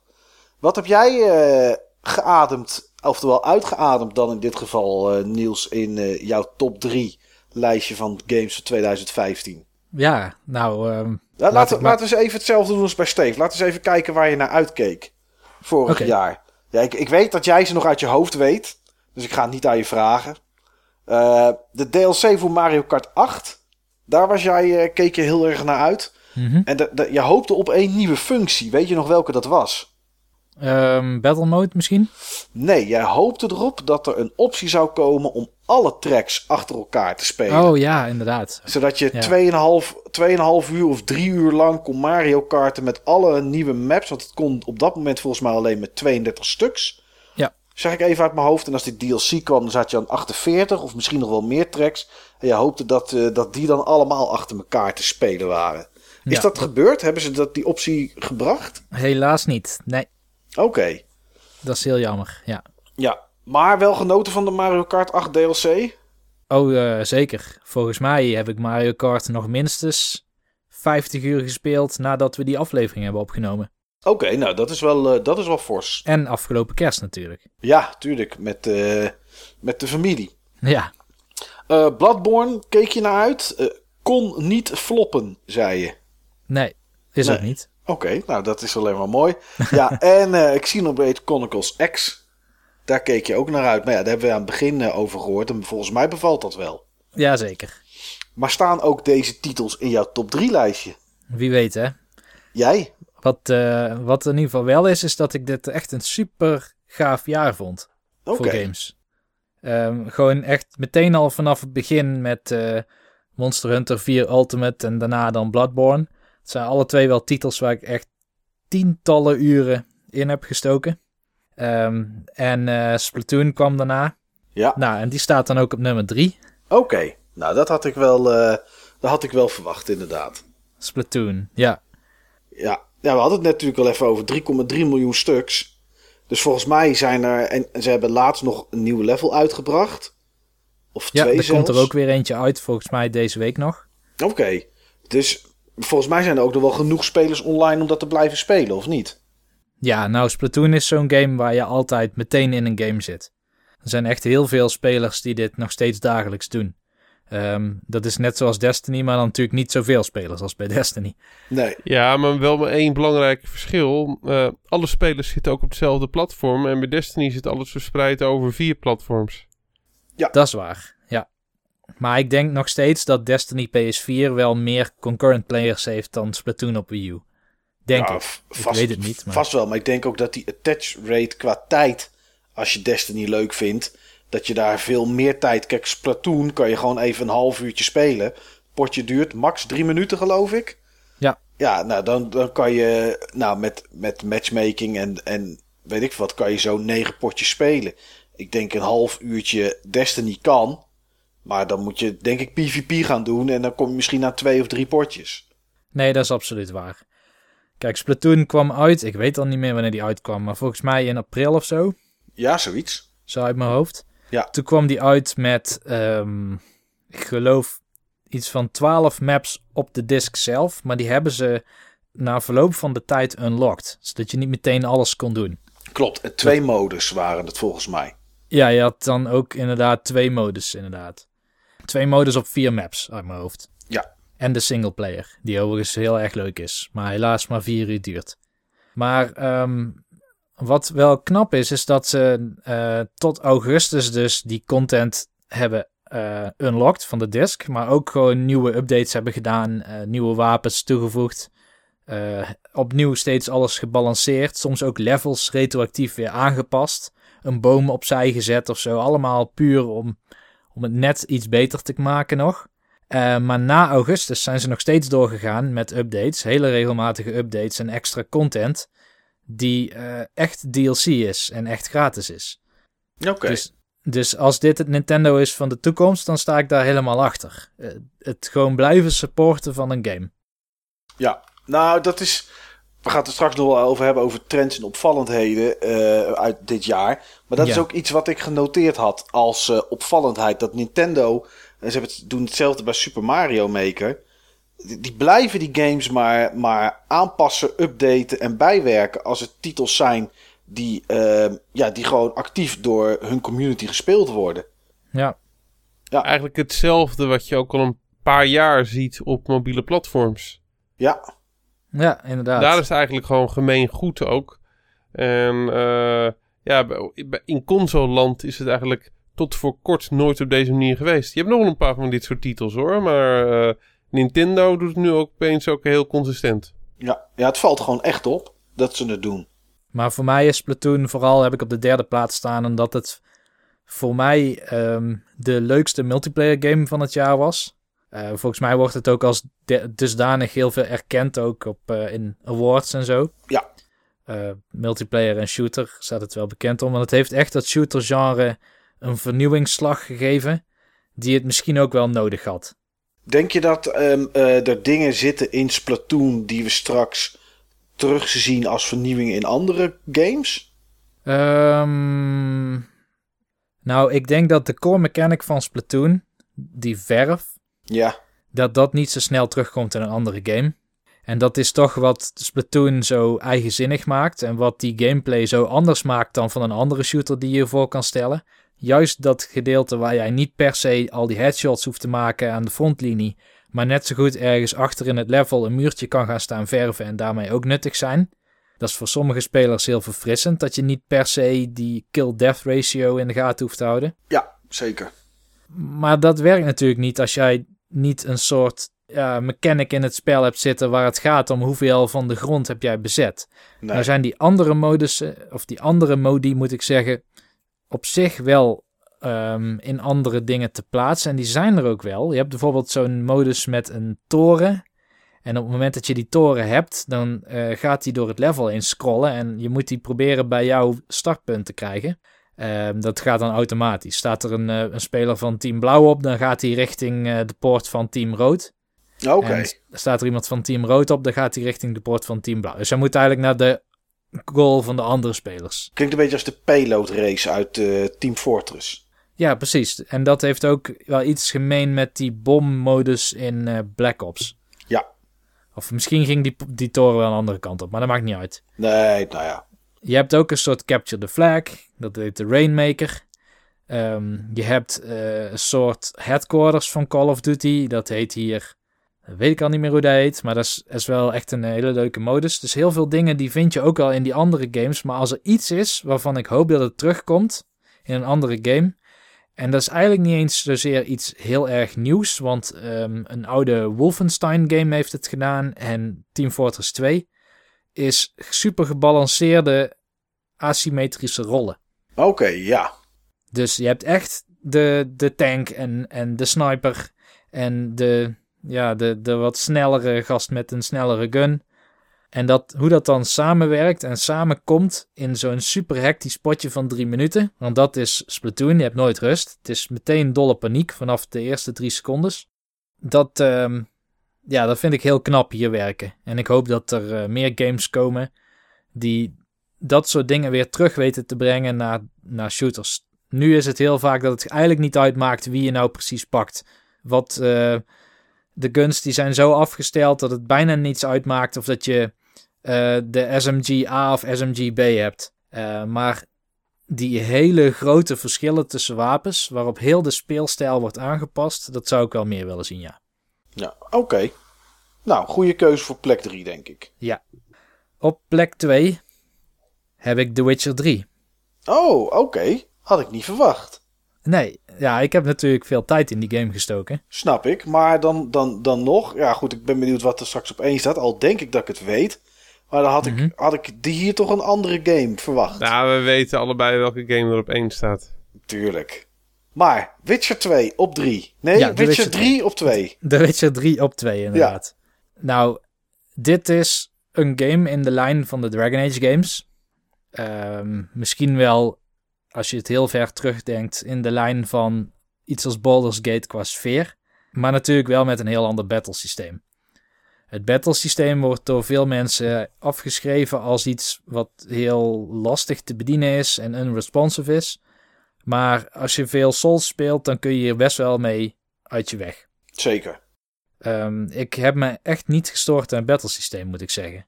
Nou ja, ik heb het eh, ook gespeeld. Ehm, Ik denk net geen 15 uur, misschien een uur of 12 of zo. En Ja. ik had ook helemaal geen last van het battlesysteem. En dan heb ik het echt nog gespeeld met patch 1.02 of zo. Vol- Volgens mij zitten we inmiddels op 7 of 8. Ehm, er zijn best wel wat aanpassingen geweest, ook aan het battlesysteem. Ja. Eh, maar ik, ja, god, ik, ik, ik pakte eigenlijk elke keer het juiste zwaard. Er is er eentje voor, voor, ja, voor, voor monsters, zeg maar. En die andere is gewoon voor mensen. Eén is van zilver en de andere is van, ja, ik weet niet, brons of zo, denk ik. Ik weet het eigenlijk niet precies meer. Ehm, ja, en gewoon op tijd wegrollen en slaan. Ja, ja en vooral L2 ingedrukt houden. Want dan parry je alles wat op je afkomt. Ja, Eh, maar ik vind het vooral leuk hoe je ook die spells in kan zetten tijdens dat je aan het zwaardvechten bent. Het is wel lastig, moet ik zeggen, om van target te wisselen. Kijk, als het nou zoals de Batman-serie werkte, dat je heel makkelijk van de ene naar de andere enemy kan, dat zou wel fijn geweest zijn. ja, Of dat het net als eh, Dark Souls is, dat je kan lokken en heel snel unlocken en weer naar iemand anders. Dat zal misschien hier ook wel kunnen, maar ik ben er nog niet achter geweest. ik ook Eh, Ik niet. ben er nog niet achter gekomen.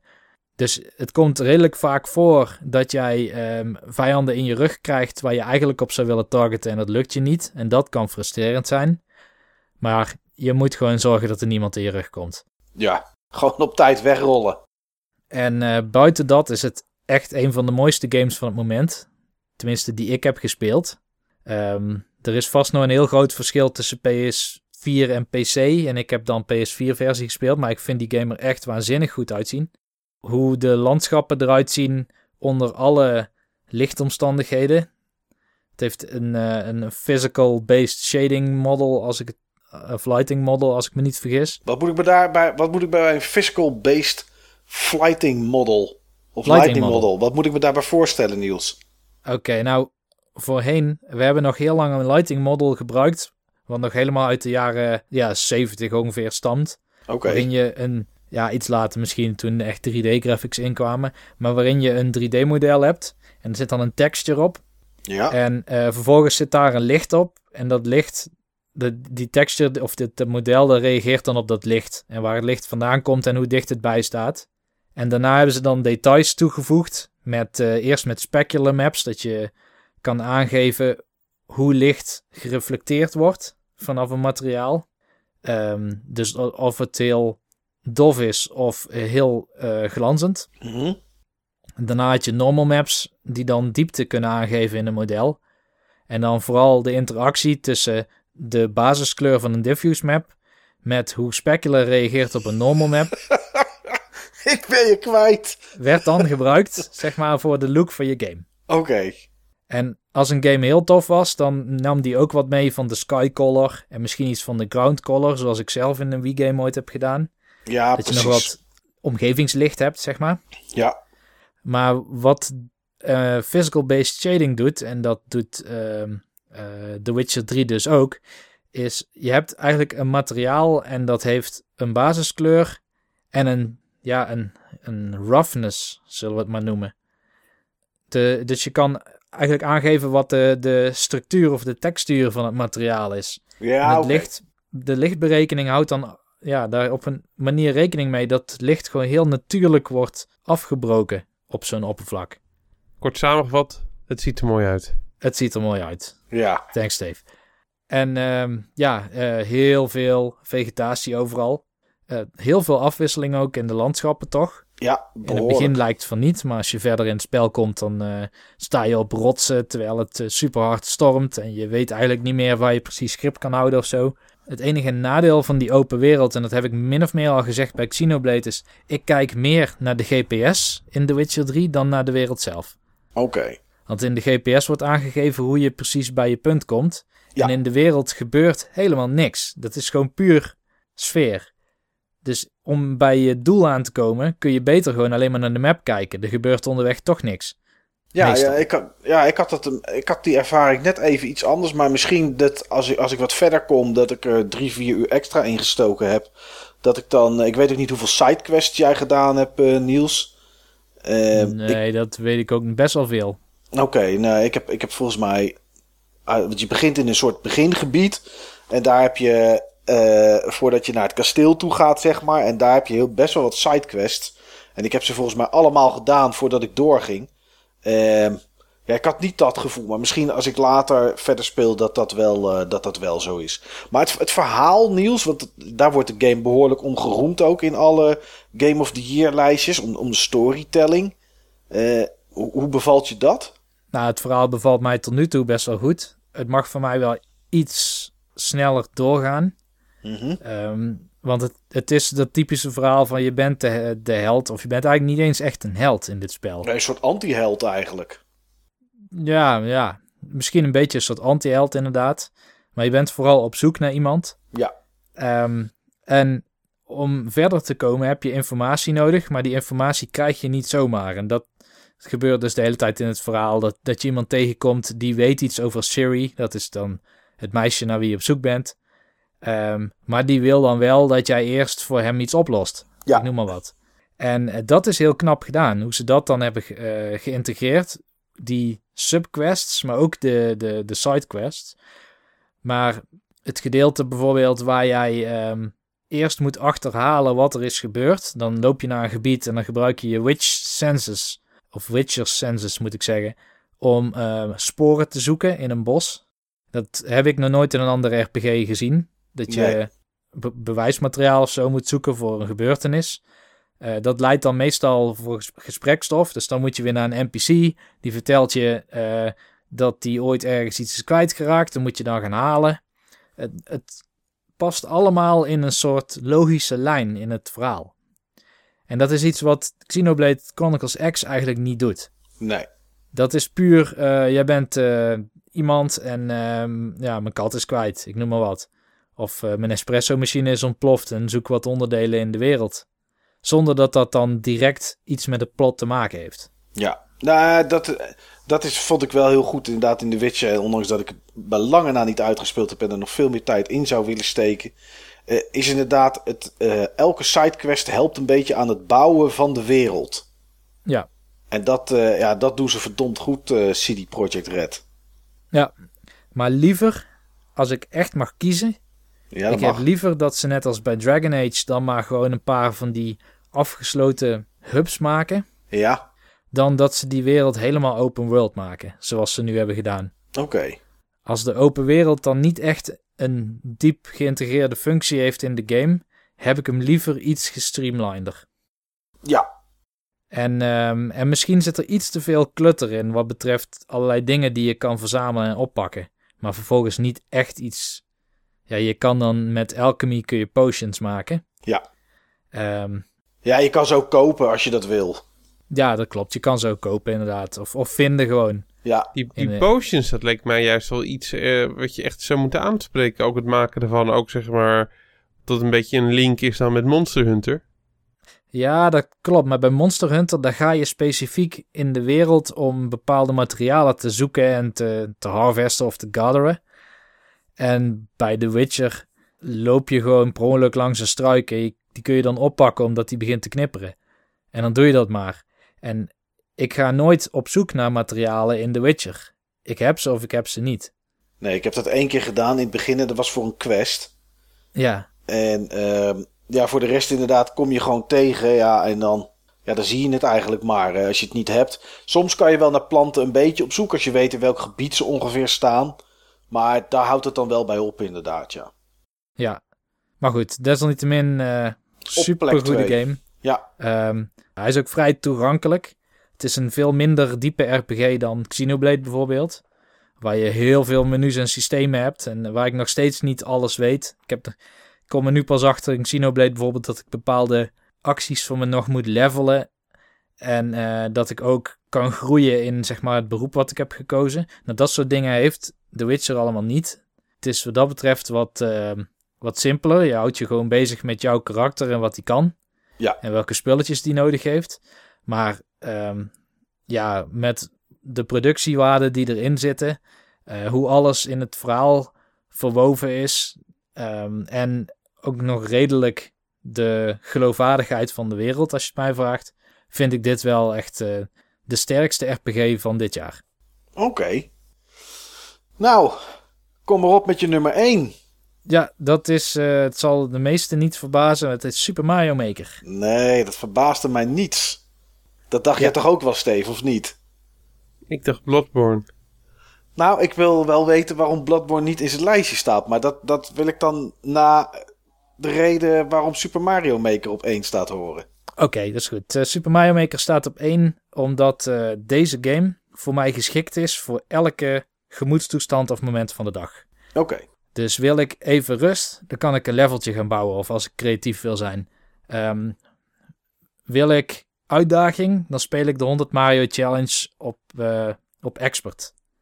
Wil ik geïnspireerd worden door coole dingen, dan kijk ik naar de beste levels of de meest gelikte levels van het moment. Eh, ik kan op het forum kijken of dat een member nog iets heeft gedaan. De, de core gameplay is Mario. Voor mij altijd goed. Super Mario World is ook een van mijn favoriete games aller tijden. Deze game overtreft voor mij Super Mario World. Om de simpele reden dat er gewoon veel meer in zit. Het is niet per se beter per seconde, zullen we maar zeggen. Per, eh, maar het, het komt nog steeds zo vaak voor dat ik een level tegenkom toevallig in zo'n 100 level expert challenge. En dat ik gewoon verbaasd sta over de, de creativiteit en, en het idee achter zo'n level. ja. Eh, dat er een mechanic wordt bedacht die eigenlijk niet helemaal in het Mario-universum thuis hoort of zo, maar wat, waardoor je je zo slim voelt dat je dat kan doorzien en uitvoeren. Ik start elke ochtend bijna met Super Mario Maker. Nu ik en een vakantie bakje heb dan, hè. koffie. En een bakje koffie. En Ja. niet één, maar meestal bijna 400 milliliter koffie inderdaad. En ehm, dan ga ik eerst een, eh, zo'n, zo'n hoe is het? Zo'n eh 100 Mario challenge doen. En daarna probeer ik nog een level af te maken, want ik heb er nog een stuk of vijf waar ik nog niet helemaal klaar mee ben, maar ook niet helemaal tevreden. Ik kijk ondertussen of mensen de afgelopen nacht mijn levels nog hebben gedaan en of dat ze daar commentaar over hebben achtergelaten. En dan ben ik een uur verder en dan kijk ik of dat ik een andere game ga doen. Zo ziet het begin van mijn dag eruit. Oké. En ook dit is weer zo'n game, zoals we eerder hebben gezegd bij Splatoon, die constant ondersteund wordt door Nintendo. Er komen veel officiële levels uit, heel regelmatig. Eh, van de gekste dingen van Facebook of Mercedes-Benz. ehm, of een of andere wedstrijd van een Japans game magazine. En dan krijg je vaak ook een nieuw kostuum die je kan gebruiken. Waar je, ja, Mario wordt dan bijvoorbeeld ehm, die gast van Game Center CX. Ja.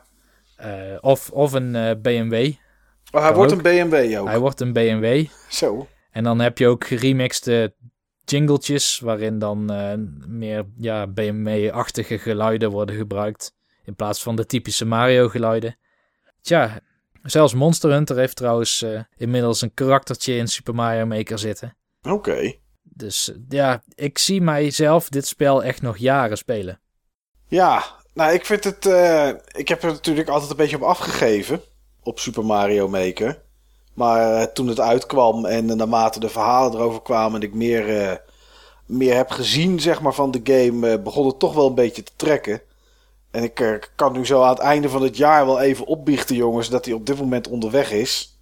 Echt Oh, waar. cool. ja. En dat eh, met, eh, met Amiibo. Met die eh, 8-bit Mario Amiibo eh, die, er, die erbij zit. En eh, ja, dat hij op dit moment onderweg is naar mijn huis. Dus ik zal eh, binnenkort mij ook begeven in de wereld van Super Mario Maker. Ja, tof. Ja, ik had het nooit Leuk van gedacht. dat je maar- de knoop doorgehakt hebt. Ja, Ik hoop dat eh, de luisteraars er ook wel meer van meekrijgen van wat jij er dan straks van vindt. ja.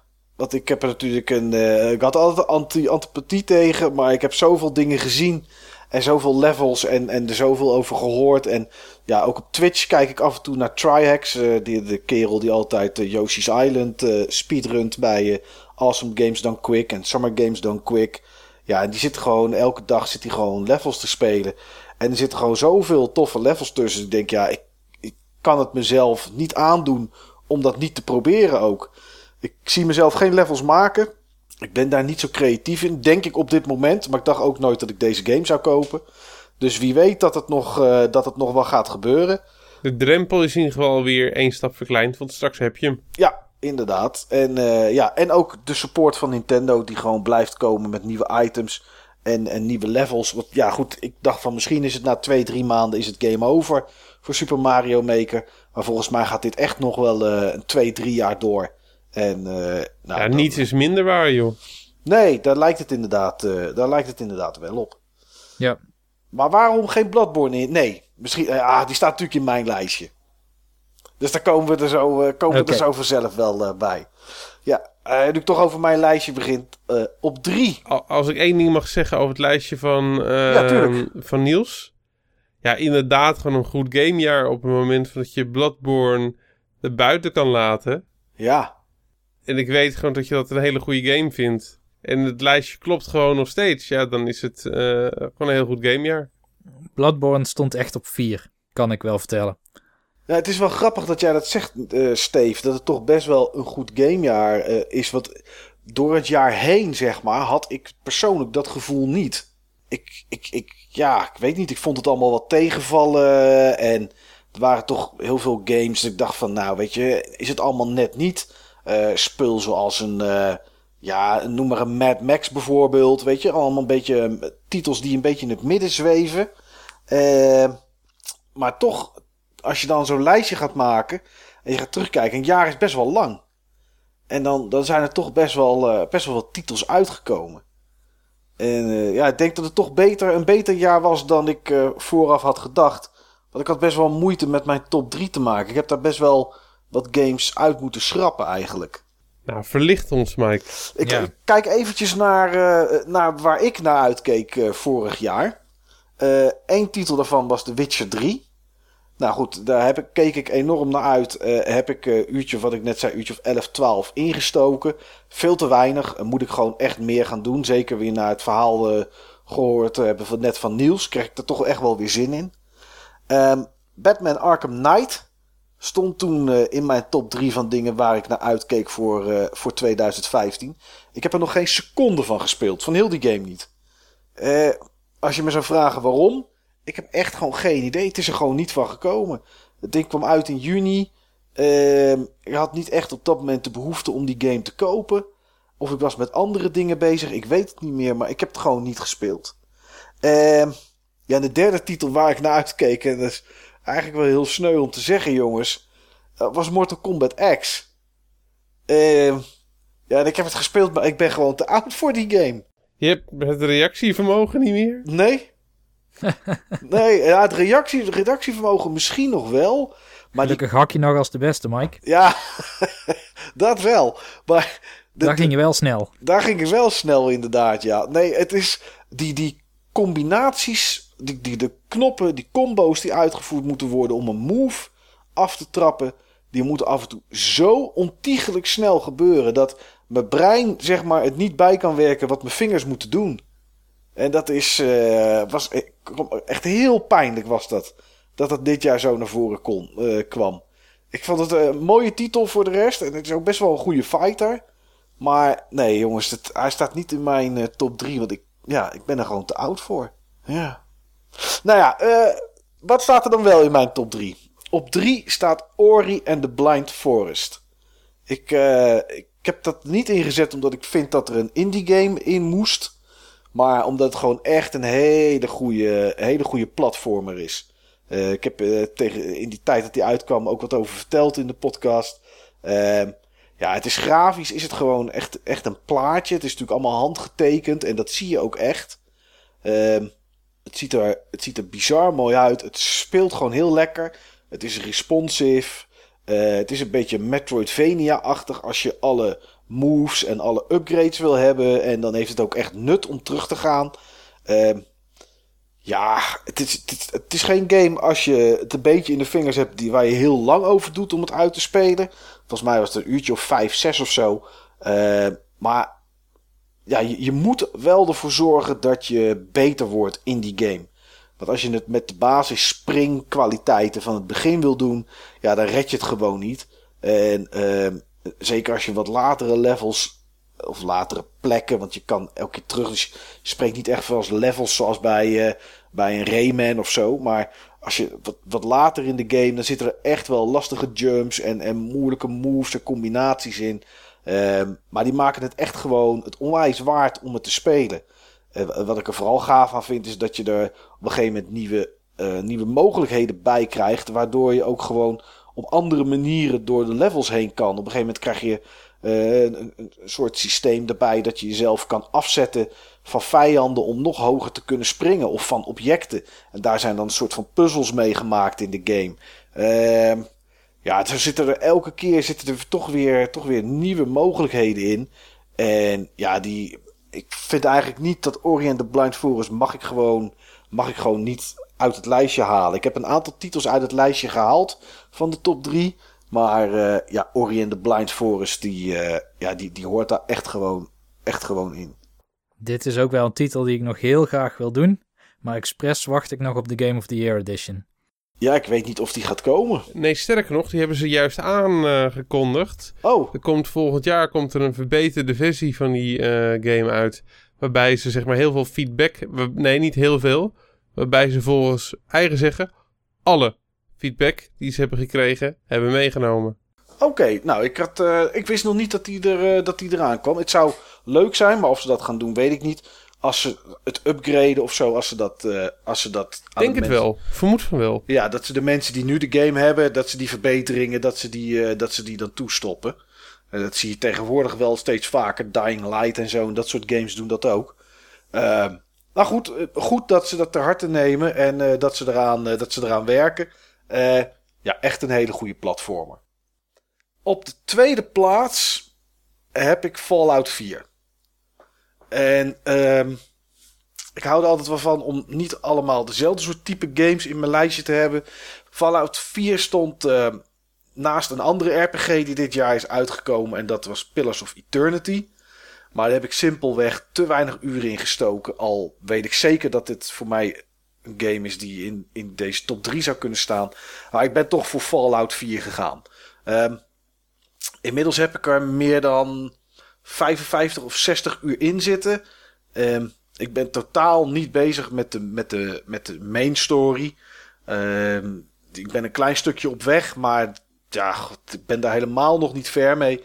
En ik ben eigenlijk nog steeds alleen maar sidequests aan het doen en de wereld aan het ontdekken.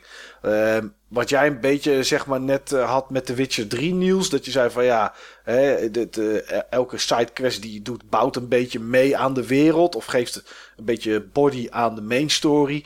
Ja, dat is eigenlijk wat Fallout 4 uh, er continu doet. Er zitten zoveel dingen in die uh, je een gevoel geven over hoe de wereld is geweest en naar wat die nu is gegaan. En dat kan uh, echt van alles zijn. Ik was toevallig gisteren liep ik in een, uh, in een, in een speelgoedwinkel, in een comicswinkel is het eigenlijk. En in die comicwinkel zat ook een, een filmstudio bij op de eerste en tweede etage. En er was een script en er waren mensen die aangenomen werden. En je kon de, de terminals kon je lezen.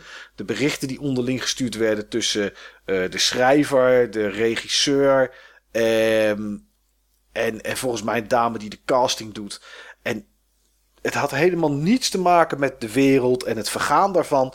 Maar gewoon een verhaal wat zich daarvoor heeft afgespeeld. En je leest eerst de ene terminal, daarna de ander.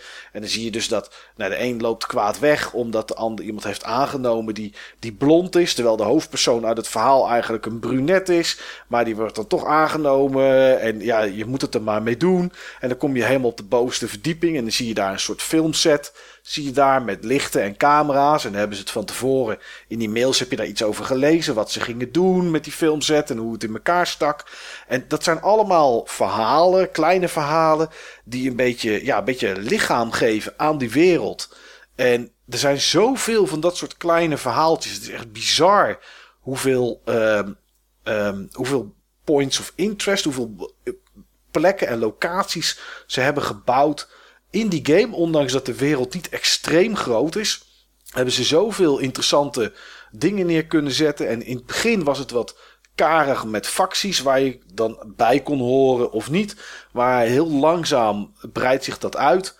Uh, ja, en dat is gewoon, het is gewoon een super gave wereld om gewoon twee, drie uur achter te gaan zitten. En gewoon rond te lopen. En maar zien waar je uitkomt. En op je radar zie je natuurlijk plekken die je al ontdekt hebt en die je niet ontdekt hebt. Ja, dan denk je, hé, hey, daar is een plek wat ik, die ik nog niet gezien heb. Ja, je loopt er naartoe en er bestaat de kans dat er een nieuwe quest is. Er bestaat de kans dat je helemaal aan flarden wordt geschoten. Uh, of dat je een, een, een settlement tegenkomt. Een nieuwe groepering die aan jouw kant staat. Of die misschien jou aan hun kant willen hebben. Uh, ja, dat is gewoon geweldig. En, en ik vermaak me daar gewoon nog steeds echt gewoon uren mee. En dat is, ja, dat ga ik de komende, komende jaren ook nog wel doen. Er zal straks een moment komen dat ik de main quest, dat ik die uitspeel. Dan blijf ik nog een beetje rondlopen, gok ik een uurtje of 10, 20. En daarna zal ik de game waarschijnlijk wegleggen, uh, digitaal gezien dan. En over een half jaar dan, dan pak ik hem weer op en dan ga ik gewoon weer eens rondlopen. En dan ga ik gewoon weer eens wat plekken ontdekken. Ga ik wat quests oppakken. En uh, ja, ga ik gewoon, gewoon maar weer een beetje rondstruinen om, om die wereld te verkennen. En dat, uh, ja, dat maakt het voor mij gewoon echt een titel uh, die in de top 3 thuis hoort. Misschien zijn er dan ook wel weer wat interessante mods. Of ben jij niet zo van de mods? Ik ben eigenlijk alleen van de mods die ik ja, als ze grafisch iets toevoegen. Maar heel vaak zitten daar ook dan weer mindere kanten aan. Omdat er dan altijd weer plekken zijn die tegenvallen. In Skyrim had je bijvoorbeeld mods om de belichting beter te maken. En, en, en de, uh, de natuur mooier te maken. Maar dan liep je ook wel eens een grot in. Ja, en daar werkte die lichtmod toch niet helemaal. Dan was het pikken donker. En dan kon je ook met een lampje of met, een, met, met, met licht kon je er niet zo heel veel mee. Dus die, dat soort mods, nee. Eigenlijk hou ik het meestal gewoon maar plain. Uh, ik ga geen Star Wars mod zitten installeren. Of niet iets wat in één keer overal 600 schapen toevoegt. Uh, ik voeg geen mods toe die ja, weet ik veel, die, die, die iets kunnen verpesten of zo. Of, of weet ik wat. De enige mod die ik geïnstalleerd heb, en dat vond ik, vond ik echt een minder iets aan de game. En ik ben blij dat, dat die mod er is.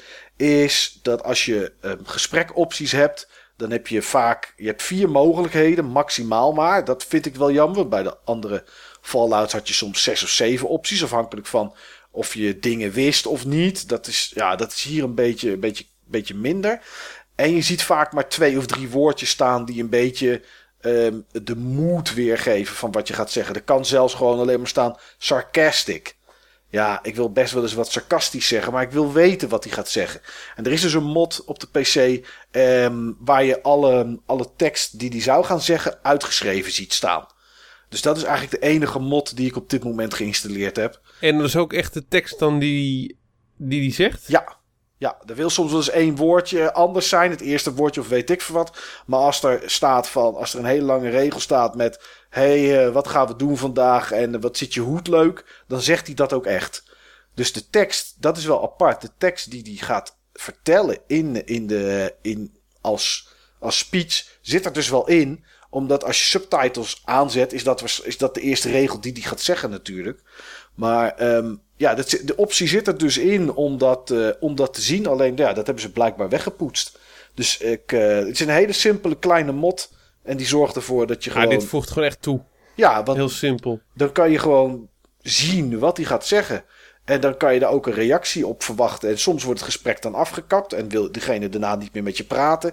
Ja, soms kan ik het niet laten om, uh, om, om dan toch iets sarcastisch te zeggen. Maar je weet, je weet gewoon wat hij gaat zeggen. En dat vind ik wel, uh, dat vind ik wel heel fijn. Ja, dus dat is iets wat zeker, uh, wat zeker toevoegt. Deze game was ik bijna gaan spelen nog dit jaar in plaats van The Witcher. Oké. Okay. Ja, ik moest kiezen. Naast Xenoblade zou ik The Witcher gaan doen of zou ik deze doen? Mm -hmm. En uiteindelijk heb ik voor uh, The Witcher gekozen, vooral omdat ik nog niet wist bij de Fallout-serie of dat ik misschien eerst 3 moest doen of misschien zelfs eerst deel 2. Nee. Um, nee, is totaal niet nodig. Niet. Nee, nee, nee, nee, nee. Tuurlijk, uh, er zijn dingen die. Uh, kijk, het speelt zich een aantal jaar later af, tien jaar later af dan Fallout 3. Uh, ja, er zijn dingen die overeenkomen. dingetjes die, die die refereren aan en refereren naar. En natuurlijk is dat leuk. Want het is voor mensen die deel 3 gespeeld hebben, is dat natuurlijk herkenning. Maar uh, nee, je hoeft totaal niet deel 3 te spelen uh, om deel 4 te kunnen spelen. Nee. En, en dingen als settlements bouwen, dorpjes bouwen, uh, dat soort dingen allemaal, ja, daar hou ik gewoon niet van. En nou, het hoeft dus ook niet. Het uh, is iets wat ik niet doe. Een kameraad van mij wel, die heeft echt een soort van, uh, ja, een soort van kasteel uh, lijkt het wel. ja, kasteel, dat denk je aan iets van de oudheid. Maar die heeft een gebouw gebouwd van zes etages. Met allemaal mensen die daar wonen. En, en allerlei beveiliging eromheen. En merchants die, die, die, naar, zijn, die naar zijn dorpje zijn gekomen allerlei beveiliging, een bar erin met een poolbiljart. Uh, nou, je kan het zo gek niet verzinnen. Uh, discoballen, hij heeft, het hij heeft het allemaal gebouwd. Ja, super, maar ik, uh, ja, ik hou er niet van. Ik, ik heb daar niet zo'n zin in. En ja, dan hoeft het ook niet. Dat is wel, dat is wel een voordeel. Je ziet, zag natuurlijk in al die trailers, zag je die hond. Um, ja, het eerste wat ik gedaan heb toen die hond kreeg, of toen die hond tegenkwam, is ik heb hem weggestuurd. Ik heb gezegd, ga jij maar in dat dorpje zitten, vriend. Ik, ja, ik hou er niet van om, uh, om met companions te lopen. Die lopen me altijd maar in de weg. En uh, ja, wil je het niet, dan hoeft het niet. En dat vind ik wel, uh, dat vind ik wel mooi aan die game. Oké. Okay. Nou, dan op één. Ja, dan op één is natuurlijk al geen verrassing meer. Want daar moeten we toch eens even over hebben, Niels. Nou ja, goed, je zei net al dat hij bij jou op vier stond. Maar op één staat bij mij, ja, staat Bloodborne. En ja, er hoeft, behoeft eigenlijk geen uitleg, denk ik. Het is game waar ik iets van 70 of 80 uur inmiddels in heb zitten. Waar ik uh, nog met de DLC bezig ben. Uh, waar ik niet heel veel verder meer mee ben, omdat ik eigenlijk andere dingen heb zitten spelen. Maar ik heb me daar zo enorm mee vermaakt. Zo op het puntje van mijn stoel. Uh, zoveel uitdaging. Ehm, ik heb er zoveel lol ook aan gehad, omdat wij tegelijkertijd speelden. en elkaar via de PlayStation chat op de hoogte hielden. Eh, Ja. ja. het is voor mij de game van dit jaar waar de meeste uitdagingen in zitten. En ik heb wel eens eerder gezegd, ik hou wel van games waar eh, tegenwoordig wat meer van games... waar ik gewoon echt moeite moet doen om iets te bereiken. Omdat ik dan het gevoel heb dat ik ook iets bereikt heb. Beetje Zoals eh, Mortal Kombat X. dat is, eh, nou, dat is zeker een game. Als ik die goed kan spelen, dan heb ik zeker wat bereikt. Maar Ori and the Blind Forest is net zo. Dat is ook een game die is niet al te makkelijk. Dat is gewoon best wel een, een, een, ja, een hardcore platformer. Ja, en ik kan niet anders zeggen dan dat Bloodborne, die, die, ja, die staat voor mij gewoon op één. Tuurlijk, het heeft zijn, het heeft zijn mindere dingen, grafisch. Met, met performance is het nog steeds niet helemaal best. Maar ehm, ja, elke keer als ik die wereld weer instap, heb ik er gewoon plezier aan. Ook al loop ik voor de, voor de vijftigste keer in de Forbidden Wood. Om daar, ehm, om, om, om daar healing potions te gaan, te, gaan, te gaan verzamelen. Dan nog vind ik het, vind ik het tof om te doen. En ehm, ja, nu ik hem al een keer uitgespeeld heb en, en aan de New Game Plus ben begonnen. En je ook weet waar welke tegenstanders staan, is het ook een soort ontspanning. Klinkt misschien heel raar omdat het natuurlijk eh, ja, drie, vier klappen en het kan over zijn. Maar het is ook een soort ontspanning om, eh, om, om door die wereld van Bloodborne te lopen. Ja, dat kan eigenlijk niet anders zijn dat hij daarom voor mij op één staat. Ja, heel simpel. Ja, ik begrijp het wel. Maar, Ik begrijp het wel.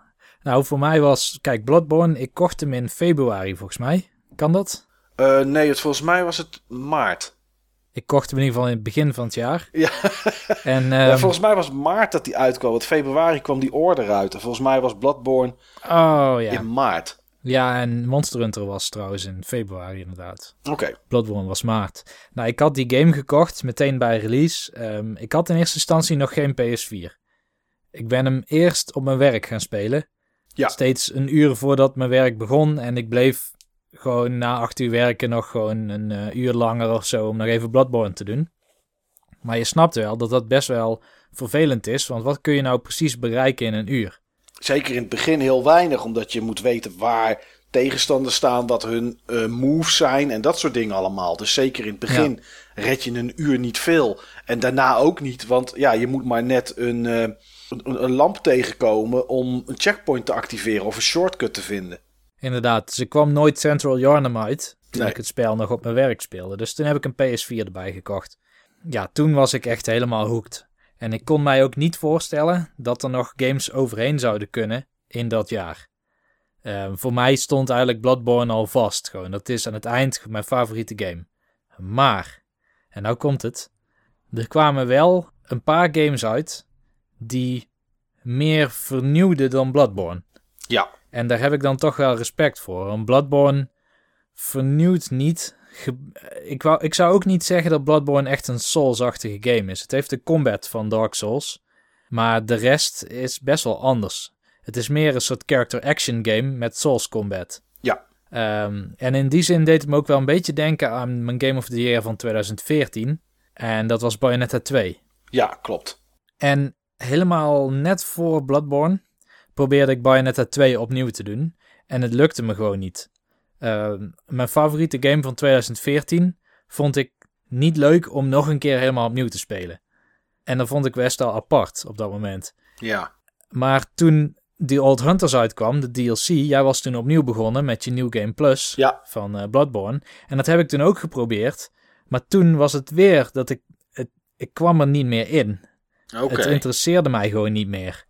Um, het, het was ook niet per se. Je hebt het allemaal een keer beleefd. Je kan het niet op een andere manier spelen, want het spel is letterlijk echt precies hetzelfde als je het nog een keer doet. Mm. Behalve Ja. dan um, dat, dat je meer damage krijgt, bijvoorbeeld. Uh, de DLC is natuurlijk wel nieuw. Maar uh, de uitdaging van het ontdekken van de wereld en het tempo uitzoeken van de vijanden, dat is al een keer geweest. En ik kon mij helaas, moet ik zeggen, want ik zou die Old Hunters, ik heb er toch al voor betaald, dus ik zou hem heel graag ook willen doen. Uh, maar ik ben nog niet in die gemoedstoestand dat ik zin heb om nog een keer uh, tot die cathedral, is het geloof ik, waar Ja, uh, klopt. de content ongeveer begint, om daarheen te spelen. Nee, ik moet zeggen dat ik dat ook wel heb hoor. Omdat ik, ik ben aan de, aan de DLC begonnen. Ik heb het twee, drie uur gespeeld. Ik vind het super tof. Maar als ik nu op dit moment kan gaan of, of wil gaan gamen, dan pak ik inderdaad toch liever Fallout 4 even op. Dan dat ik Bloodborne ga spelen. Ik, dit is wel voor mij het jaar dat ik gemerkt heb dat DLC niet mijn ding is. Oké. Omdat als ik op een gegeven moment klaar ben met die game, ja, dan ben ik er ook klaar mee. Dan hoeft het eigenlijk niet meer, hoe goed die game ook is. Ja. En dat is, eh, ja, dus ik snap dat wel. En ik ga het nog wel proberen te spelen, maar ik snap wel je gevoel inderdaad. Maar 4 is nog steeds hoog in een jaar waar zoveel uitkwam. Zeker weten, Eh, zeker weten. Maar ja, ehm, het verbaast me niks dat jij hem op 1 hebt staan. En ehm, ik, eh, ik weet dat het voor veel anderen ook de beste game van het jaar is. Maar voor jou eventjes niet. Voor, voor mij waren er net drie games beter. Ja, nou, dat kan. Ehm, ja, wij doen natuurlijk van alles het hele jaar door, eh, jongens, met games. We spelen nieuwe games, maar ook oude games. En ik wil toch ook wel eventjes kijken of we dit jaar op, op het gebied van retro nog iets ontdekt hebben. Eh, Niels, heb jij toevallig dit jaar nog een, een retro game ontdekt, zeg maar, die je nog nooit had gespeeld en dat je denkt, hey, dit is echt een, een, een leuke nieuwe retro game, zeg maar. Eh jazeker, volgens mij heb ik het zelfs daar de laatste podcast over gehad. De vorige, de aflevering 55. Eh, Pop en Twimby. Oh ja, tuurlijk. Op de SNES was dat, hè? Op de SNES, ja, ja. Een, een cue up was dat, als ik het goed zeg. Ja, en ehm, het is volgens mij het vervolg op Daytona Twimby van de PC Engine, die ik ook al echt al heel erg gaaf vond. Maar Pop en Twimby verbeterde eigenlijk alles op één ding na. En dat ene ding na is dat in eh Daytona Twinbee kon je als je co-op speelde, volgens mij had je sowieso iets met charge moves of zo. Je had iets meer finesse over hoe je schoot. Oké. En eh, dat levert Pop en Twimby in. Maar daarvoor krijg je wel heel veel nieuwe type enemies en levels en variëteit aan terug. Oké, dus dat was zeg maar jouw eh, leuke nieuwe retro game van dit jaar. Ja. Ja. Ja, als ik zelf kijk, dan is dat voor mij denk ik Super Bombman 2 geweest. Ik heb er een tijdje terug al over verteld dat ik, eh, dat ik Super Bombman 1 aan het spelen was. Ehm, inmiddels ben ik doorgegaan naar Super Bombman 2. En ik moet zeggen dat ondanks dat het, geen, dat het niet de games zijn die ik nog nooit heb gespeeld. Ik bedoel, ik heb genoeg Bomberman gespeeld op allerlei platformen. Alleen ja, op de, op de SNES had ik, dat, eh, had ik deze titels nog nooit gespeeld. Ik moet toch zeggen, Super Bomberman 2 is toch wel erg gaaf hoor. Ik eh, kan me daar gewoon echt mee vermaken. Even eventjes een paar leveltjes. Gewoon, eh, gewoon even tussendoor, een half uurtje. Dat is natuurlijk het mooiste van, van die gameplay. Je kan het even oppikken. En eh, ja, 9 van de 10 keer als je voorneemt om een half uurtje te spelen, dan, dan wordt het toch een uur of anderhalf uur. Maar ja, ondanks dat het niet nieuw dus is, denk ik wel dat dit een van de retro games is die ik het afgelopen jaar gespeeld heb. En ik heb er niet zo heel veel gespeeld. Dat moet ik wel eerlijk toegeven. Maar dat dit toch wel een titel is, eh, ja, ja, die is gewoon echt heel gaaf om te spelen. Echt, En als eh, je nou een half uurtje speelt, Mike, schrijf je dan het wachtwoord op of wat doe je dan? Ja, uiteraard. Oké, ja. Ja, ja, het is niet zo dat ik denk, oh, ik heb maar een half uurtje gespeeld, was heel kort. Ik schrijf het wachtwoord niet op. Nee, nee, nee. Ik, of ik begin elke keer van vooraf aan. Nee, ik heb netjes op mijn telefoon heb ik een, een notepad, eh, notepad appje zitten. En eh, ja, daar staat de 6213 staat daarin. Of eh, noem maar een code ik, weet- die, het zou, eh, die het zou kunnen zijn. En dan eh, ja, begin ik de volgende keer wel met die, eh, met die code. Ik heb geen zin om elke keer alles helemaal vanaf eh, Nee, nee, tuurlijk. tuurlijk. vooraf aan eh, te spelen. Maar het is, het is oldschool codes opschrijven. En, Ik maak tegenwoordig altijd foto's van dat- eh, codes. Oh, foto's van je codes. Oké. Ik heb op mijn cards heb ik achterop stickers staan met de laatste code van het nieuwste level. Oh, ja, dat is ook wel een Zo hebben we hè. allemaal ons systeem, hè? Ja, ja, inderdaad. Ja, er is vast ook nog wel iemand die luistert en die doet het gewoon met een schriftje. Ik weet zeker dat die er zijn. Heb je eigenlijk de multiplayer al gespeeld van Bomberman 2? Nee, nee, nee, nee, heb ik nog steeds niet gedaan. En, eh, ik heb ook niet echt iemand in huis, denk ik, eh, of over de vloer regelmatig waarmee ik dat kan doen.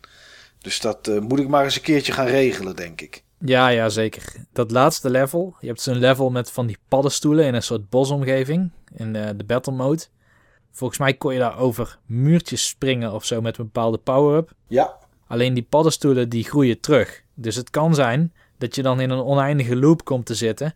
Waarin je steeds het ene kant van het level eruit stuitert en de andere kant weer binnenkomt. oké. Ja, nee, er is, wel eh, een, er is wel een power-up dat je over blokjes heen kan springen, inderdaad, ja. Ja, precies. En dan duurt het dus net zo lang tot iemand jou. Of tot iemand ergens een blokje weghaalt, zo'n paddenstoel. Zodat je daar weer kan lopen en Dat door je daar kan. weer kan lopen, maar dat ligt waarschijnlijk een bom. Ja, precies. Oké, oh, dat is wel grappig. Eh Steve, heb jij ook een, eh, een titel eh, die je dit jaar ontdekt hebt, zeg maar, in de wereld van de retro games? Ja, zeker. Ehm, twee. Twee zelfs, oké, cool. Twee. Ehm, dat zijn Ninja Warriors The New Generation Ja. en, eh, en Gargoyles Quest 2. Oh, En ik heb ze geen van tweeën zelf. Ik heb ze allebei gespeeld bij, eh, bij maten van me. Allebei ook forumleden. Bij de ene, de ene bij, eh, bij Robin had ik ook eens een keer verteld in een podcast of een Oh, BB dat- Bulletin. was dat met, Dat die, die- eh, met, die, met die robot ninja's, Ja. zeg maar? Ja, ja, dat ja. ik Echt een heel leuk, eh, echt een heel leuk spel. Ja, die is super Ninja tof. Warriors The New Generation. En verder had ik toevallig dit weekend had ik Gargoyles Quest 2 gespeeld. Oké. en En die had ik nog nooit gespeeld. Nee, we weten dat jij behoorlijk fan was van eh, de eerste. Ook van de muziek en alles. Ja, ja. En ik vond hem ook echt heel leuk op de NES. En eh, hoe is deel 2 dan, Steve? Ik vond hem goed. Oké. Ik vond hem goed en ik heb hem helemaal niet. Nee, en op welk platform is die uitgekomen? Ja, NES. Op de NES. En Gargoyles Quest, de eerste, was op de Game Boy, of Game niet? Boy. Ja, Klopt. oké. Is het een titel die heel zeldzaam is dan, of zo? Of is die nooit op je radar gekomen? Heel zeldzaam, heel zeldzaam. Oké. Hij, hij was vrij prijzig en hij is nu nog duurder. Waar denken we aan, ongeveer? Ik denk dat hij toch wel eh, een stuk boven de 100 euro gaat. Oké, nou, dat, is, eh, dat begint wel pittig te worden, inderdaad. ik, moet ja. even, ik moet even kijken, maar dat is toch een titel die ik nog wel een keer zou willen hebben. Oké. Ik ken hem ook helemaal. Is hij wel Paul uitgekomen ook? Ja, ja, ik heb Paul zitten spelen. Oké. Ik zie hem hier eh, complete in box. Zie ik hem hier staan voor 182 euro. Ja, hm. Hij heet ook... In, oh, in Japan heette die anders. Red Armira. Red Armira. Oké. Maar ik, eh, ik moet dus een keer kijken. Misschien dat ik eens een keer gewoon wat dingen weg moet doen. eh, die ik toch niet zo graag heb of speel. En dat ik dan dit soort dingen ervan kan kopen. Ja, dat je een mooie ruil kan doen of zo. Of, Ja. of dit kan kopen. In ieder geval een game die... ja, wa- waar je in ieder geval het eerste deel heel tof vond. En blijkbaar het tweede deel ook. Ja. Dus eh, zo, zo valt er weer wat eh, te wensen in 2016. Dit zijn in ieder geval twee games die ik graag een keer origineel zou willen hebben. Ja, nou mooi. Ehm, heb je in 2015 ook iets gekocht waarvan je in 2014 dacht van dat wil ik, wil ik wel heel graag hebben? Heb je dit jaar een, een mo- mooie retro aankoop gedaan, Steve? Ja, verschillende. Oké. Ik heb in ieder geval ehm, ik heb Musha gekocht op, eh, op de Mega Drive slash Genesis. Want is niet in Europa uitgekomen. Heb je daar wel eens over verteld? Het, de, titel zegt me wel iets, maar die hele game ken ik eigenlijk helemaal niet dat ik mij. gekocht heb, niet dat ik nog gespeeld heb. Oké. Wat- Space wat is- Shooter. Wat is het precies? Oh, Space Een Shooter. Space Shooter. En ik moet zeggen dat ik die wat tegen vond vallen. Oh. oh Voor het geld wat ik ervoor betaald heb. Want het was ook geen goedkope game. Oké. Het en- is wel eens een game die inmiddels alweer veel duurder geworden is. Maar eh, die heb ik eh, gekocht. Maar de game die ik zou willen noemen... Ik, ik heb echt een shitload aan PC Engine titels kunnen kopen dit jaar. Daar ben ik heel blij mee. Want PC Engine verzamel ik heel graag. En speel ik heel, gra- heel erg graag. Ik zit even te kijken, hè, Steve. Even terugkomen Ja. op Musha. Mijn hemel, jongen, wat een bedragen. Ja, ja. Ik Dat heb is- ook... eh, Dat is, dat, is, dat is niet misselijk. Ik zie volgens, mij heb ik er, volgens mij heb ik er boven de 200 voor betaald. Ik Ja. weet niet of je de kaart alleen hebt of dat je. Of dat je Nee, ik heb hem compleet. Ja, ik zie hem compleet, wordt hij op dit moment voor eBay aangeboden. Ik zie geen verkochte voor 380 euro. Ja, dat, eh, dat is eh, geen kattenpis. Mijn hemel zeg. Maar ehm, Dat is een hoop McDonald's. dat is hoop ik Dulles inderdaad, ja. Ja. Maar eh, mijn mooiste aankoop eh, van het jaar, die is nog een heel stuk meer eh McDonald'sjes waard. Dat heb ik er niet voor betaald. Ik had dan echt een hele bootlading aan PC Engine games gekocht. Ja.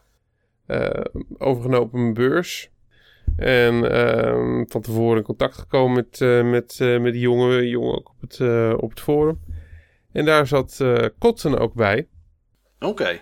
En eh Cotton, dat is een titel die ik al heel graag wilde hebben. En eh, die, eh, die Japans, zeg maar, vijf, zestientjes of iets dergelijks kost. En ik dacht dus dat ik een Japanse versie aan het kopen was. Maar echt een paar weken later, nadat ik zeg maar die games had overgenomen, zag ik dat het geen Japanse cotton was, maar Amerikaanse cotton. Oké. Die is wel een stuk zeldzamer en duurder. Hmm. En is het ook een leuke game? Ehm, ja, dat is, echt, dat is echt een leuk spel. Cotton is echt heel leuk. Oké. Ik zie hier zo eh, voor de. Ja, ik zie prijzen staan ook van zo'n 360, 370 euro. Dat is wel eh fix. Cotton op, Cotton op de Turbo Graphics? Ja, Oké. uit Amerika is, eh, voor 365 euro kan je hem kopen. Wat een bedragen zeg. Ik dacht dat die eh, nog duurder was, maar dit is... eh, ja, hij is ook eh, verkocht voor vier, hij is ook een keer verkocht voor 452 euro. En Ja, ja, ik zie het inderdaad. Ja. Een eentje voor 320. ja. Jeetje. Wat voor soort game is het, eh Steve? Shooter. Ook een shooter. Oké. Dus, eh, een hele leuke, een beetje cute em up. Oké.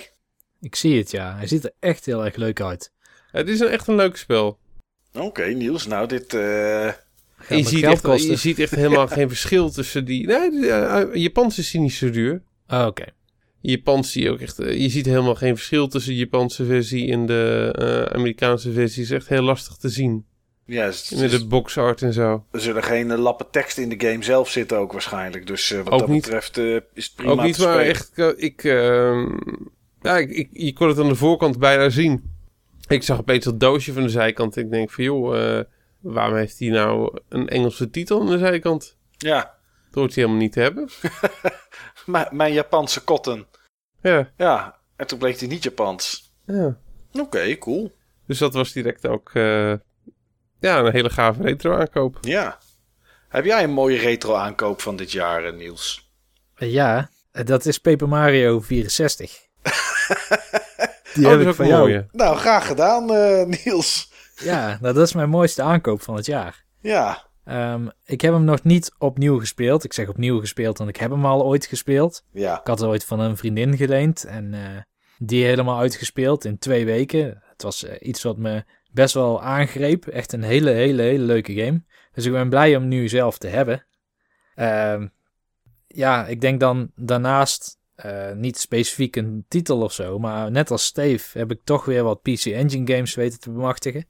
Ik was nu specifiek gaan kijken voor titels die, ehm, waarvan ik games had gespeeld die ik leuk vond. Dus uit dezelfde serie. Ik heb bijvoorbeeld Ease 4 gekocht en uh, Neutopia 2. Uh, maar ik heb ook heel veel co-op games gekocht. Oh ja. Dus nu moet er nog een keer iemand langskomen die überhaupt PC Engine games wil spelen. en dan kan het dak eraf. Heb jij zo'n multitap? Ik heb een multitap, ja. En vier controllers. Nice, goed gedaan. Ja, dan kan het dak eraf inderdaad, ja. dan moet ik maar een keer bij je langskomen. Dat is goed, Steve. Ja. het dak gaat eraf. Maar goed, dat dus. Ja. En jij, Mike? Um, ik heb hier um, staan in mijn aantekeningen geen.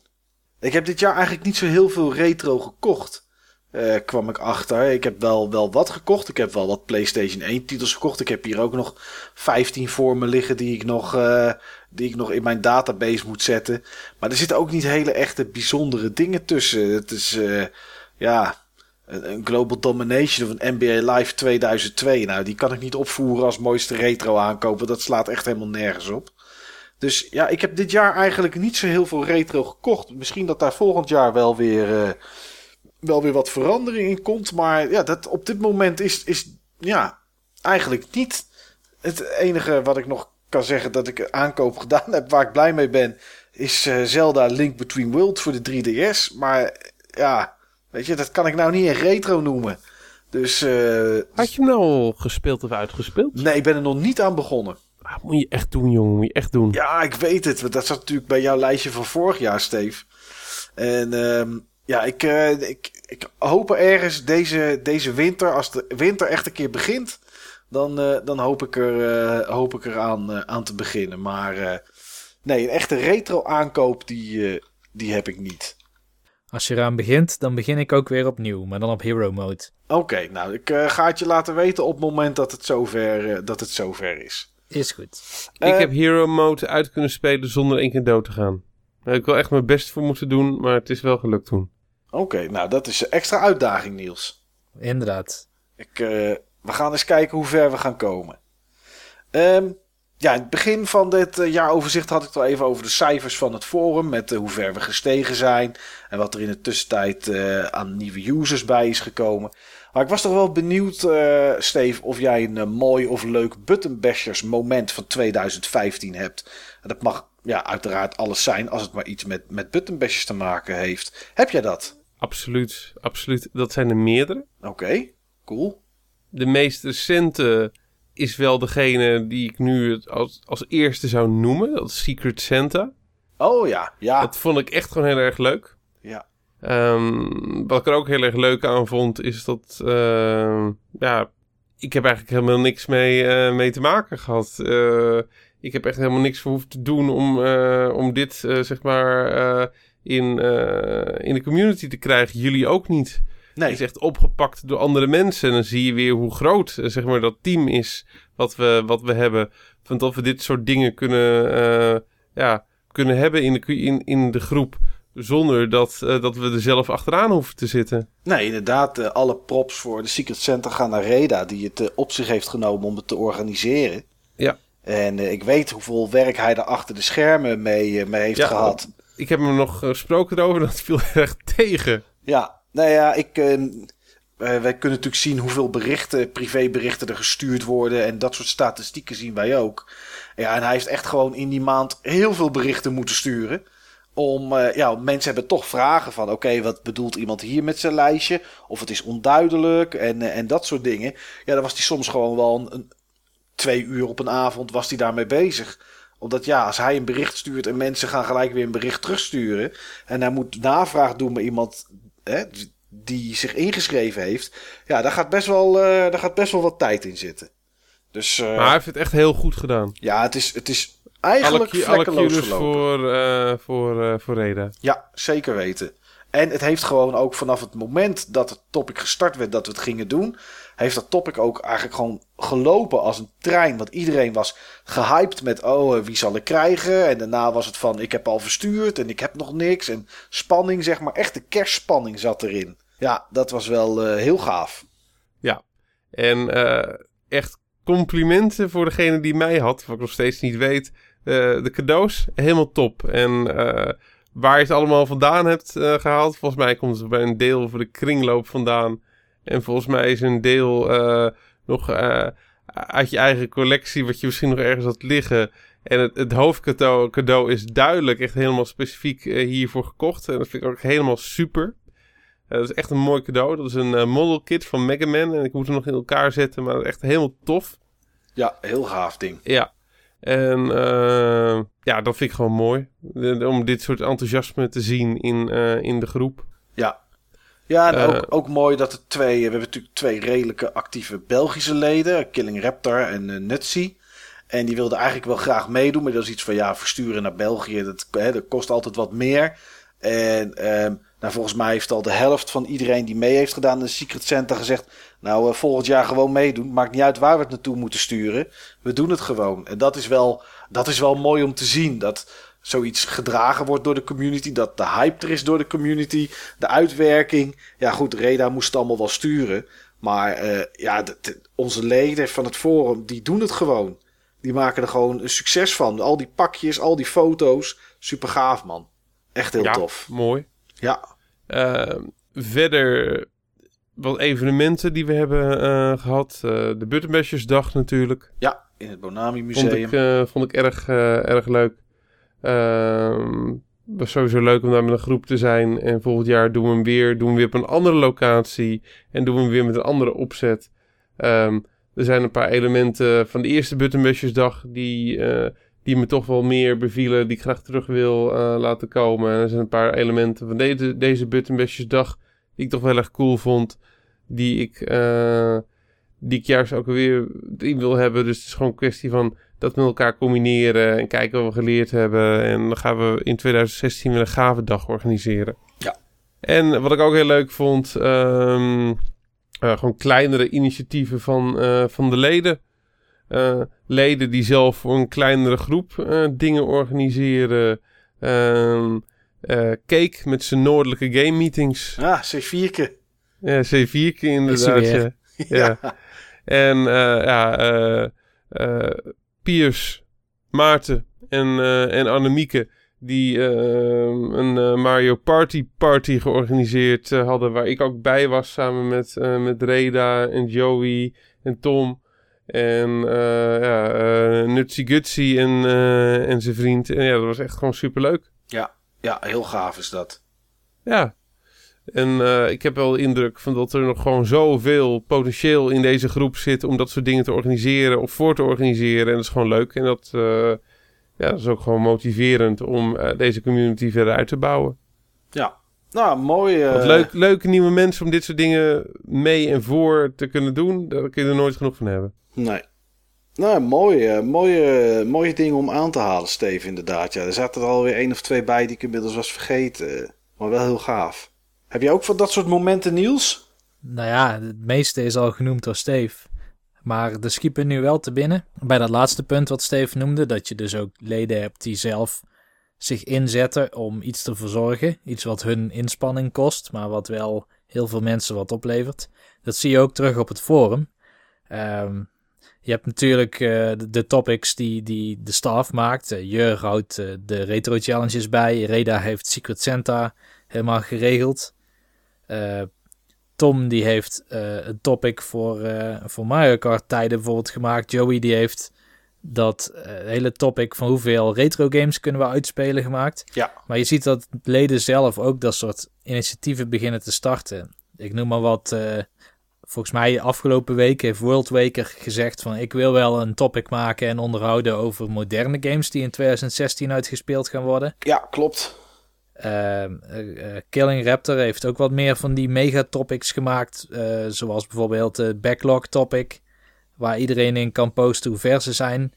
En Piers die is van plan om het hele jaar door reviews te gaan schrijven. Kijk, en dat komt toch allemaal, vloeit dat weer terug in die Buttonbashers community. En dat soort energie, dat waardeer ik zelf heel erg aan het forum. Dat zie ik ook bijna nergens anders. Nee. Nee, is ook zo. En dat is, dat is ook de, de gezelligheid of, of het... eh, Hè, ik had laatst even een topicje gemaakt om iedereen eh, fijne feestdagen te wensen en alvast een gelukkig nieuwjaar. En dan zie je mensen, dan zie je toch een aantal mensen die praten dan toch over het Buttonbashers familie. En eh, ja, Ja, ik, heb, ja. ik heb het natuurlijk ook ooit eens een keer zo genoemd toen wij een soort van interview kregen voor een, voor een afstudeerproject van iemand.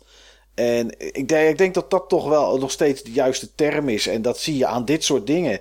Ehm, ja, de community geeft aan zichzelf gewoon de energie terug, zoals jij het noemt inderdaad, Niels. Van nieuwe topics, van nieuwe initiatieven. En eh, ja, dit zijn dingen die, die blijven nog jarenlang doorgaan, denk ik. Ja. En dat is, eh, ja, en dat maakt het hecht. En dat is wel heel erg gaaf. En dan noemde ik zo nu nog maar een paar namen, hè? maar er zijn nog zat andere leden die dingen regelen. Ik denk zelfs voor het topic van vandaag heeft eh Heather Grace al een soort voorzetje gedaan op het forum. Oh, Het van, jaaroverzicht van, van bedoel je? jaaroverzicht. Ja. Ja, ja. inderdaad. eh, eh, Game of the Year, eh, dingen waar je naar uitkijkt het volgende jaar. Ehm, ja, dat, het- voor al dat soort dingen komen gewoon, komen gewoon topics. En, en er zijn altijd mensen die daarover praten en mensen die het inderdaad bijhouden. Ja, dat is toch, geeft toch aan dat, eh, ja, dat we een mooi plekje met z'n allen hebben waar iedereen zich thuis voelt. En thuis kan voelen met de hobby die, eh, die, we, die we eigenlijk delen met elkaar. Ik kom er tegenwoordig echt als bezoeker op het forum. Oké.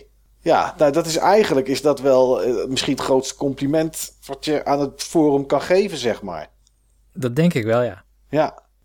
Ja, ik had zelf nog één dingetje erbij staan. En dat is ehm, ja, toevallig iets waar Reda ook voor gezorgd heeft. Dat was de lancering van Button Bashers 3.0. Die we, die we gehad hebben dit jaar. Oh ja, dat was dit jaar. Ja, ja. En eh, ja, vernieuwing, ondanks dat hij er misschien aan de voorkant niet zo uitziet, maar aan de achterkant wel van het forum. Die natuurlijk eh, ja, nu nog beter via mobieltjes en tablets eh, te benaderen is en, eh, en responsive is, zoals ze dat zo mooi noemen. Eh Reda heeft er eh, allerlei dingen aan gedaan, allerlei dingen bijgewerkt. Eh, natuurlijk het waarderingssysteem wat we nu hebben voor, ehm, voor als je een deal via het forum hebt gemaakt. Dat je positieve of negatieve feedback kan, kan geven. Ehm, in het begin dacht ik van, moeten we dat wel doen? Gaan mensen dat wel echt gebruiken? Maar langzaamaan zie je de tellertjes bij mensen omhoog gaan. Dat ze eerst 1, 2, 3, 4, 5. Nou, eh, er zijn volgens mij mensen die zitten al op 6, 7, 8 eh, eh, stukken feedback die ze gekregen hebben. Meer zelfs, denk ik. Ja, vast wel. Maar dat, de- hè, dit zijn dingen die je in ieder geval ziet. Ja, en dat vind ik toch wel, eh, dat vind ik toch wel echt heel erg goud. Eh, jij hebt natuurlijk ook heel veel dingen daaraan gedaan, eh Steve. Om dat te begeleiden en zaken uit te zoeken en te testen. En we hebben Ja, maar dat, dat haalde niet weer de tijd die reden gestopt Uiteraard niet, uiteraard niet. Maar toch, hè, het is toch iets. eh, we hebben allemaal, hebben wij natuurlijk met, eh, met eh, het 3.0 hebben wij van tevoren getest voordat het online kwam. En eh, ja, dat is, eh, dat is eigenlijk alleen maar mooi. Dat vond ik eigenlijk wel een mooi momentje. Dennis heeft al 27 forum deals. 27 zit hij al op. Ja, Wat een oude chageraar is het toch. ja hè? Ja, ja, ja, ja. Nou, dan ga ik van die laatste deal die ik met hem gedaan heb geen... eh, ge- geef ik hem geen positieve feedback meer. Tom hoor. heeft er 14. 14 al? Oh, ook al, joh. Ja. Ja, nou ja, dat is toch. Weet je, mensen maken er toch gebruik van. En dat is wel. eh, en dat vind ik wel gaaf. Dat. eh, er, is, er is een tijd naartoe gewerkt, natuurlijk. En. ja, goed. Iedereen doet het in zijn privé-tijd erbij. Dus ja, tijd is niet altijd iets wat er, eh, wat er met bakken is. Maar het is dan toch mooi als, ehm, als dit soort verbeteringen en, eh, en ideeën, als die uitgewerkt worden. En eh, ja, mensen er gebruik van maken. En ook op, op het moment dat het uitkwam, was er ook positieve feedback van iedereen die dingen prettiger vond. En ja, je kan nooit iedereen het 100% naar de zin maken. Maar volgens mij, zoals het forum eruit ziet en functioneert, eh, denk ik dat we dat eh, best aardig, eh, aardig hebben neergezet. eh. Hebben we een goede basis gezet voor 2016. En eind 2016, 2017 gaan we weer eens een mooie stap maken. ja, precies. Je moet voor de grap eens een keer de stijl terugzetten naar de oude. Je Ja, weet niet wat je meemaakt. nee, dat kan natuurlijk. Wij kunnen dat natuurlijk nog. Je bent kunnen- helemaal stuurloos en je ziet niet wat eh, de laatste geactiveerde topics zijn en waar de activiteiten zich precies be- bevinden. Ja, Het is heel raar. Ja, inderdaad. Dat is. eh, ja. Nee, dat was eh, een mooi moment eh, van het afgelopen jaar ook, inderdaad. Ja, jongens, we hebben allemaal positieve dingen gehad. Ik wil eventjes snel kijken of er ook nog negatieve dingen waren. Want daar hou ik altijd wel van. Steve, wat waren jouw grootste tegenvallers van 2015? Wat games betreft dan. Een, ehm, een game die ik gekocht had en waarvan ik eigenlijk toch wel verwacht dat ik hem heel erg gaaf zou vinden, maar waar ik gewoon niet in kon komen. Oké. Een game die eh, jij eh, nog moet spelen. Wat je juist hebt eh, gezegd. Ik denk dat het aan mij ligt hoor, Mike, maar Batman Arkham Knight. Oké. Ik kon er gewoon niet in komen. Nee. En bij die vorige twee delen had je dat wel? Ja. Hmm. Ja. Ik, ja, ik snap het niet. Nee, zonder aanwijsbare reden. Gewoon, het, Ja. ja. het was hem niet. Nee, eh, ik kon gewoon niet door dat begin heen. eh, Het begin pakte me gewoon niet. Nee. Oké. Ja, ja, kan gebeuren. Ja, goed. eh, slecht is die niet, zover we gezien hebben. Ik- Ja, misschien tot het hele Batmobile gebeuren me gewoon niet zo trok. Ja, dat zou kunnen. Want Die wordt wel wat geforceerd, hè? Ja. Ik heb de afgelopen anderhalve week ongeveer mezelf onder andere bezig gehouden met alle lijstjes te bekijken. Van de Games of the Year en eh, ook de Fails of the Year of Disappointments of the Year. En eh, daar heb ik alles van geaccumuleerd. Er stond iets op plaats 10, dan kreeg het 1 punt. Plaats 9 2 punten. Plaats 1 10 punten. Dat is gewoon lineaire schaal. Had het meer dan 10 games, dan koos ik alleen de eerste 10. Ehm, had het er minder, dan eh, deden ze niet mee. En Batman wordt toch tamelijk vaak genoemd in het lijstje van disappointments. Maar ook wel bij Game of the Year, eh Niels. En ik heb het lijstje van jou, eh, van jou gekregen. Maar Batman Arkham Knight staat inderdaad op de zesde plek als het om... eh, nee, op de vierde plek als het gaat om games die tegenvallen. Maar ook wel op plek 14 van Game of the Year games. Ja, Maar aan de andere kant, Life is Strange staat er één stap boven. Dus met Game of the Year, dat begrijp ik echt niet. Maar eh, nou, die heb ik niet gespeeld. eh. en ik heb Arkham Knight ook maar voor delen gespeeld. En voor mij zit het hem in die verplichte Batmobile stukken. oké. Maar voor heel veel van die tegenvallende, ja, van die disappointments die ik heb gezien, want ik heb ook vaak de motivatie ervan bekeken, Een deel ligt strikt aan de PC-versie en de staat daarvan. Ja. Maar ook een deel is dat het tegenvalt ten opzichte van de andere Batman-games. Qua gameplay. Ja, oké. Hm. Ja, nou ja, het is wat het M- is. Misschien is dat het dan, eh, Niels. Ja. Ja, Ik, eh, ik heb me zojuist iets, eh, iets bedacht. Mijn top 3 lijstje klopte niet. Oh, Mijn top 3 lijstje is eh, wel een top 3 lijstje. wat hoort er nog bij dan? Eh, Shadow of Mordor. Die is eigenlijk dan natuurlijk van vorig jaar. eind vorig jaar. Ja, vorig jaar inderdaad. Maar ik heb, november, hem, ja. ik, ja, ik, ik heb hem wel eh, dit jaar echt eh, enorm veel lopen spelen. Daar ben ik best wel hard op gegaan. En dat vind ik nou echt een geweldige game. Dus ik fiets hem er gewoon stiekem toch nog bij. Dus mijn top 3 lijst is op 3 Shadow of Mordor. Ook al is die van 2014. Ehm, Destiny the Taken King. En op 1 Captain Toad. Nou, hebben we dat nog even mooi rechtgezet. Ja. Heb je verder, nog, verder rest nog tegenvallende games eh, van het afgelopen jaar, Steve? Ja, na Game of Thrones waar ik het over heb gehad in de Ja. laatste eh, bulletin. Had ik echt meer van verwacht. Ja, van het einde in ieder ja, geval. had ik gewoon Ja. eh, verhaal technisch echt meer van eh, verwacht.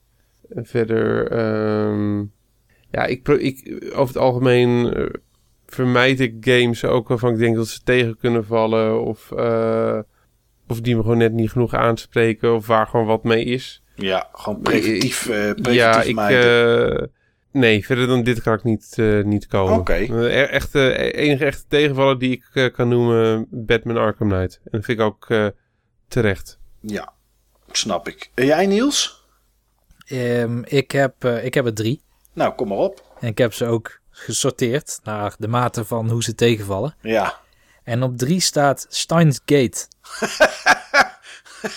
Daar is hij weer. Ja, daar is hij weer. Je zou het er eigenlijk nooit meer over hebben, maar in deze uitzending moet hij. Hij moet in deze uitzending. Ja. Want het gaat over... Ja, dit is niet zozeer echt een hele slechte game. Want ik heb al gezegd dat ik hier een uur of... Ik dacht dat ik er 25 of zo over heb gedaan. Ja, Dat ik me meestal niet heb verveeld. nee. Maar... ehm, Echt een game was het niet. Nee, echt een game was het niet. En daar zit hem ook het punt waarom ik hem in deze lijst heb opgenomen. Als je zo later achterkomt dat je enige manier van interactie met de game, dat het iets met je telefoon is, waarvan je ook nog helemaal niet kan voorspellen wat het doet, dan vind ik dat extreem zwak. Ja. Dan had ik liever gehad dat ik niks had kunnen beïnvloeden. Nee, en gewoon had kunnen kijken en klaar. Ja, precies. Dus dat maakt Steins Gate op 3. Oké. Op twee. Op 2, een titel die ik niet heb genoemd in de podcast, maar wel een stuk heb gespeeld, is eh, Project Zero 4. Oftewel Fatal Frame Maiden of Blackwater. Oh, oké. Jeetje. Waarom valt die tegen dan? Want ik heb daar wel wat van gezien op Twitch tijdens Halloween en zo. Ja, Het zag er wel aardig uit.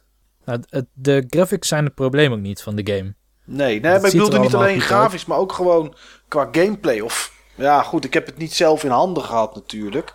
Ik heb alleen maar beelden gezien, maar Nou, dit is misschien een titel waar ik meer tijd aan zou moeten besteden, maar toch viel hij me tegen.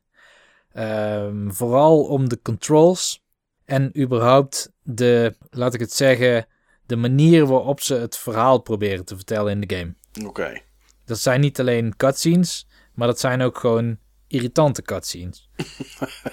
dus ehm, het, het is zelfs na een soort, laten we zeggen, een soort Resident Evil 1 kloon uit die tijd. Oké. Die kwaliteit zou ik het geven. Hmm. Dus ehm, stel er is een deur en die zit op slot. Dan eh, zegt het hoofdpersonage waarschijnlijk hebben we een sleutel nodig die hier ergens ligt. En vervolgens gaat de camera gewoon echt via zo'n typische spline movement die, eh, eh, die je zeg maar in de, in de simpele indie games eh, zou kunnen bedenken. Ja, Of in Nintendo 64 games. Gaat die naar waar die sleutel dan ligt. Nou, dan moet je dan nog naartoe lopen. oh, dat is wel een beetje, dat is wel een beetje jammer. Echt heel jammer. En dan heb je nog het, het battle systeem, wat op zich leuk is bedacht. Je gebruikt je gamepad als camera. Ja, En door die camera kun jij eh, de geesten zien en op de foto zetten. ja, En die moet je ook nog goed op de foto zetten. Dus van een bepaalde afstand, heel dichtbij, of net op het moment dat ze proberen te slaan, Eh, dus dat je in plaats van dat je dodgt, precies op dat moment een foto maakt, net voordat je wordt geraakt, dan doe je extra damage. Nou, dat is best wel irritant, omdat natuurlijk de gyroscoop van die gamepad af en toe de weg kwijtraakt. Ja. Dus, dus je zit relatief steeds net een andere draaiing te doen. En op een gegeven moment dan kijk je niet eens meer richting je televisie als je eigenlijk daar een spook zou moeten hebben. Dus dat is één van de problemen. Een ander probleem is dat de, het karakter stuurt nog zoals in Resident Evil 1. Dus met van die tank controls. Tank controls, oké. Ja. Ja. dat Dus kan stel- echt niet meer. Een ghost verdwijnt voor je neus en die verschijnt achter je. Nou, draai dan maar eens op tijd om. Ja, Hey, Vooral met die hè? motion controls. Ja dat is ja, niet dat te werkt doen. toch niet, joh. Nee. Snap ik niet, hoor. Nee, ik snap ook niet dat ze tank controls nu nog in een game zetten. Ik ook niet. Nee. En dit had makkelijk beter gekund. Ik bedoel, Resident Evil 4 is briljant gepoord naar de Wii. Ja. Ehm, zou ik zelfs de beste versie durven noemen van het spel. Met die motion controls erin. Nou, had zoiets gewoon geprobeerd. Maar het faalt gewoon op al die vlakken. Waar eigenlijk de game vooral op leunt. Hè? Want het was helemaal niet nodig om via de gamepad alles te bekijken. Nee. Dat is natuurlijk logisch, omdat het de Wii U is. Ehm, maar het lijkt toch alsof het erdoor is gedrukt, omdat het dan uniek zou zijn voor de, voor, voor de Wii U. Ja. Dus die op twee. Oké, nou dan ben ik benieuwd naar één. Eén is Star Wars Battlefront. Ah, ja. Ja. Nou ja, dat snap ik. Ik had serieus echt hoge verwachtingen van deze game. Ja. Want ik zat helemaal in die hype van die nieuwe film.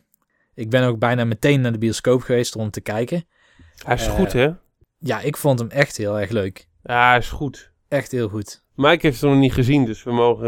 eh, Nee, niks eh, spoilen, niet, jongens. Niet eh, de diepte ingaan, maar ik vond hem echt heel goed. Ja, Ik ga hem nog een tweede keer kijken in de bioscoop. Dat doe ik eigenlijk zelden, doe ik hetzelfde tot nooit. ik ben hetzelfde van plan bij deze film. Maar eh, als we het dan over die game hebben.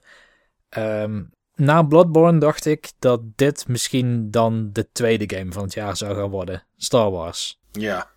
Ehm, want die was al flink gehyped en eh, op een gegeven moment zagen we de beelden van. En die zagen er echt heel erg gaaf uit. Het is ook echt een verblindend mooie game. Is het ook. Vooral op PC. Ja, echt schitterend. Ja, Ja, ja. ze- zeker met die mod. Die, eh, Ja, die real life mod inderdaad. Zo. Hallo, hé. Ja, dat is, dat is waanzinnig. Maar dat blijkt ook gewoon alles te zijn wat die game heeft, die graphics. Ja. En we hebben het er in de podcast over gehad. Mike heeft hem ook gespeeld. Wanneer je het speelt, voelt het alsof het een prototype is van een Battlefield game. Ja. Waar Alleen heel veel nog- opties nog moet- moeten geplaatst worden. Ja, precies. Het is zomaar een map. De map is gewoon niet interessant om bepaalde tactische voordelen of zo. Maar het is gewoon een, een map die lijkt op, eh, op een setting uit, eh, uit de films. En eh, dan, dan is er ergens een hotspot. Daar moet dan iedereen naartoe. En het is zwaar ongebalanceerd. En, en ja, wat moet ik ervan zeggen? Het viel zo enorm tegen. Dat, eh, nee, dit is, eh, dit is niet mijn game. Nee. En Ja, wederom een game die eh, vaak genoemd wordt in, eh, in die lijsten. ja. Nou, hij staat ook in mijn lijst als het gaat om tegenvallende games. Ehm, ik heb niet echt een, eh, een 1, 2 en 3, want dat vond ik een beetje lastig. Maar ehm, ik had ook niet heel veel van de game verwacht op voorhand. Ik had ook niet verwacht dat het mijn game zou zijn. Maar als je dan alsnog tegen weet te vallen, ja, dan doe je het toch wel heel slecht. Ja, En- maar niet, niet verwacht. Dit is de game die uitkomt in hetzelfde jaar als een lang verwacht vervolg op een van de meest ja, populaire filmseries aller tijden. Klopt. Ik dacht echt van hier gaat EA echt iets van maken. EA heeft heel veel geld. Die gaan hier volop inzetten. Ja, en Disney heeft ook heel veel geld. Oh ja, tuurlijk. En Disney ook. Ja, ja nee, ik, ehm, het, is, het, is, het is gewoon, het is, het is net niks. Het is grafisch mooi, inderdaad, wat je zei. Ehm, ehm, maar verder is het niks. Er zit geen diepte in. Er zit geen. Na een paar potjes, behalve het levelen en wat kaarten verzamelen, is er weinig nut om het nog te spelen. Ehm, ik, ja, ik weet het niet. Ik vind het, ik vind het saai. Ik vind het echt gewoon saai. Ik heb er geen ander woord voor. Ja. Ehm, ja, andere titel van de drie die voor mij eh, tegenvielen is, eh, is Evolve. Je zou bijna vergeten dat Evolve ook dit jaar is Ik uitgekomen. wou net zeggen, oh ja, Evolve. Ja, Ja, die game is zo vergeten, joh. Februari kwam die uit en eh, april hoorde je er niemand meer over. Er is nog een, eh, onlangs is er nog een, een nieuwe editie uitgekomen. Volgens mij met alle DLC erbij. Het heet geen Game of the Year, maar ik weet niet hoe het wel heet. Nee, dat snap ik dat hij niet Game of the Year... het zou, zou een beetje overrated zijn om die game eh, Game of the Year eh, een titel mee te geven. Maar er was van tevoren zoveel hype voor en eh, zoveel awards op allerlei eh, beurzen, E3, Gamescom, weet ik het wat allemaal. Eh, mensen waren er lyrisch over. Er werd aangekondigd, nou dit is het. Ja, en het kwam uit en het was gewoon een natte pannenkoek. Eh, ik heb het gespeeld en en het was gewoon niet leuk. Het was echt niet leuk. Het was Daar saai. begint, daar begint alles mee, hè? Ja, het, het was Het saai. moet wel leuk zijn. eh, Als het niet leuk is, houdt het snel op. Ja, ik, eh, nee, ik, kon er helemaal, ik kon er helemaal niks mee. Met heel de Evolve niet. En nou ja, blijkbaar was ik niet de enige. Ik zou het voor de grap nog eens een keertje moeten opstarten. Om te kijken of het überhaupt nog mogelijk is om een, eh, om een match te vinden op de PS4. Eh, ja, de derde titel die voor mij echt tegenviel. En eh, ja, daar heb ik me dan denk ik een beetje door... Nou nee, ik heb me niet laten hypen. Maar er was zoveel buzz rondom die titel. Maar ja, inmiddels weten we waar dat allemaal vandaan komt. Het komt allemaal plekken als 4chan en, en Reddit vandaan. En dat is Undertale. Ik, eh, ja, die game stond in allerlei Game of the Year lijstjes. Staat het ook nog steeds. Ehm, ik heb dat lijstje van jou, eh, Niels, met die, eh, met die, waar je die, die games bij elkaar geharvest hebt. En daar Ja. staat die van, nou ik denk als ik het zo even snel Tiende tel. plaats. Ja, staat hij op de tiende plaats van, ik denk een, een slordige 12 tot 15 websites. Ehm, staat hij daar, eh, staat hij daar. En mensen vinden het ook geweldig. Ik heb vandaag ook nog eens een keer zitten lezen waarom men, mensen het geweldig vinden. Maar ik, ik kan er helemaal niks mee. Ik vind het, eh, ik vind het spuuglelijk. En ik weet dat ik het daar niet voor moet spelen. Want het is, ja, one-man indie game is het. Ehm de humor die erin zit, ligt er zo dik bovenop en is zo kinderachtig dat het gewoon echt niet leuk is en gewoon irriteert. Personages interesseren me helemaal niets. Ehm, het enige wat een beetje interessant is, is het battle systeem. Dat hebben ze dan wel grappig gedaan. Eh, je kiest je actie, net zoals uit klassieke RPG's. En nou, die voert hij dan uit. En op het moment dat de tegenstander jou aanvalt, dan moet je in real time, zeg maar, met een, eh, met een hartje moet je puntjes en andere dingen ontwijken. Nou, dat is, dat is wel grappig gedaan. Het is, het is kaarsrecht. Dus je kan één kant op. Ehm, ja, het is gewoon echt niet leuk. Ik heb het, eh, de game duurt geloof ik 4,5, 5 uur om uit te spelen. Ik heb er twee uur in gestoken. En toen was ik echt helemaal, eh, helemaal klaar mee. Ik zat vandaag te lezen dat als je het uitgespeeld hebt en je gaat het nog een keer spelen. Dat er eh, aan de gameplay voor de rest weinig vera- verandert. Maar dat je wel, dat de personages iets veranderen of zo. En dat ze dan meerdere lagen krijgen en weet ik wat allemaal. Ah joh, ik weet het echt niet. Ik weet niet wat ik met die titel aan moet. Ik, misschien ga ik het nog wel een keer uitspelen om, eh, ja... Ik weet niet, misschien voor het topic op het eh, Button Bashers forum van de games die je in 2016 hebt uitgespeeld. Maar nee, ik, eh, ik vond het helemaal niks. Weet je dat ik deze game ook afgelopen week heb gespeeld? Nou, hoe ver zit ik ernaast in jouw ogen, Niels? Nee, ja, je zit er niet ver naast. Kijk, mij deed de humor ook niks.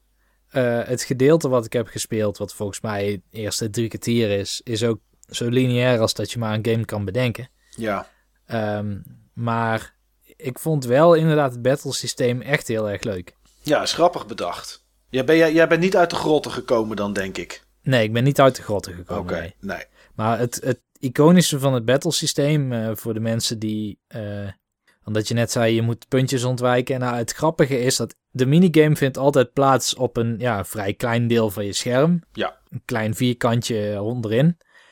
Ehm, en je bent inderdaad daar een hartje. En met de pijltjes toetsen bestuur je dan dat het hartje naar links, rechts, boven, onder gaat. En dan komen er inderdaad witte dingetjes het scherm in. Ja, het kan ook een kikker zijn of een hond of zo. Het is niet altijd een hakbel, mes of iets of witte puntjes. Het kan van alles zijn wat ze daar Het kan gebruiken. van alles ja. zijn inderdaad. Maar wat ik wel cool vind, is dat voor elke vijand is het uniek.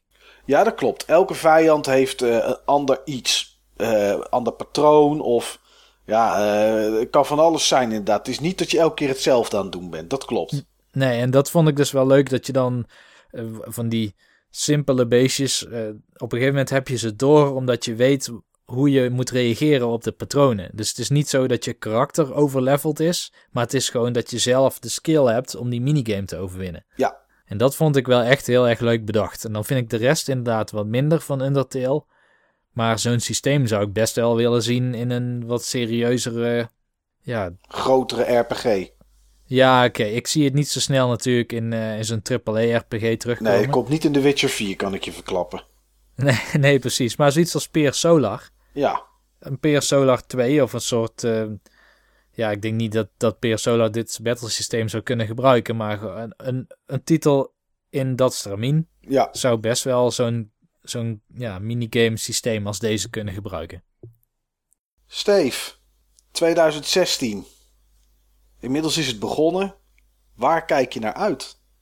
Dat, eh, dat zijn eh, twee lijstjes van drie dingen. Oké. Ten eerste een rijtje aan games. Ja. Daarbij heb ik op drie staan Rhyme. Oh ja. Die eh, moet in 2016 uitkomen. Ja. Dat is zeg maar die eh, PlayStation 4 titel die een beetje aanvoelt als een kruising tussen The Wind Waker en eh, Ico. Ja, ja, op dat ei. Tenminste, we hebben tot nu toe ook iets van een eiland gezien, Ja. inderdaad. Ja. Ja, het ziet er echt heel sfeervol en gaaf uit. En ehm, daar ben ik echt wel heel erg benieuwd naar. ja, die stijl die spreekt me ook wel aan. Ik ben wel Ja. benieuwd, inderdaad. Wat ik heb door kunnen schuiven naar eh, 2016 is de nieuwe Zelda. Oké, oh, die staat weer op je lijstje. Oké. Die staat weer op mijn lijstje. Ja. En ik vraag me af, eh, heeft die, heb ik ooit eerder de Division op mijn lijstje gehad? Poeh, ik heb niet alle afleveringen volledig terug zitten luisteren, maar eh, hij mag er wat mij betreft op. Op basis van jouw verhaal, Mike, Ja, ehm, heb ik de Division op mijn lijstje. ja. Ja, dat snap ik wel inderdaad, ja. Ja, die komt dit jaar uit. Dat is, eh, dat weten we zeker. Er is al een release datum voor, volgens mij. Ik weet hem even niet uit mijn hoofd. Ja, is misschien eh, of ze hem waar kunnen maken. hè? Altijd, altijd. Maar, eh, nou ja, mooi, mooi lijstje, Steven. Maar je had nog een lijstje, zei je. Ja. Wat is dat voor een geheim lijstje? Dat is een lijstje met hardware. Oké, nou kom maar op. Hardware die uit moet komen of hardware aankondigingen. Ik kijk uit naar de aankondiging van de Nintendo NX. Ja, Ik kijk uit naar eh, iets waar ik dankzij jou ook eh, over hoorde. Nieuwe Sega hardware. ja, Eerst maar, ik, eh, gewoon, ik wil eerst wel gewoon eens weten of het gewoon echt gaat gebeuren en of het echt is en wat het dan is. ja, Maar ja, mijn, mijn liefde voor het oude Sega heeft in ieder geval voor gezorgd dat ik er naar uitkijk. ja, ja, ik ben er ook benieuwd naar, inderdaad.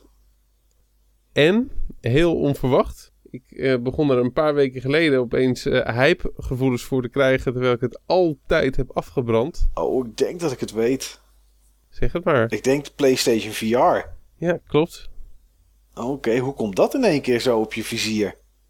Ja, eh, er kwamen opeens een boel spellen voor die aangekondigd eh, werden. En ehm, een, paar gasten waar ik eh, Destiny mee speel, die zijn best wel hyped voor. Dan raak je toch een beetje mee aangestoken. Dus je denkt van ja, ja, ja, het is wel heel anders. Ja, Het is wel zeker. heel anders. Het is wel een heel ander soort beleving. En ik las dat veel van die spellen juist eh, behoor- behoorlijk kort van aard zijn. Ook met het idee van, joh, je kan niet zo lang op deze manier gamen. Ja, ik weet niet of dat het is. Ik heb nog steeds het gevoel bij alles wat ze aankondigen... dat het een soort van tech-demo iets is. Ook die, die Cry... Dat, eh, dat ook misschien. Die Crytek eh, game die er is. eh, klimmen, dat je rotsen gaat beklimmen en zo. Ik ben toch wel benieuwd naar de beleving.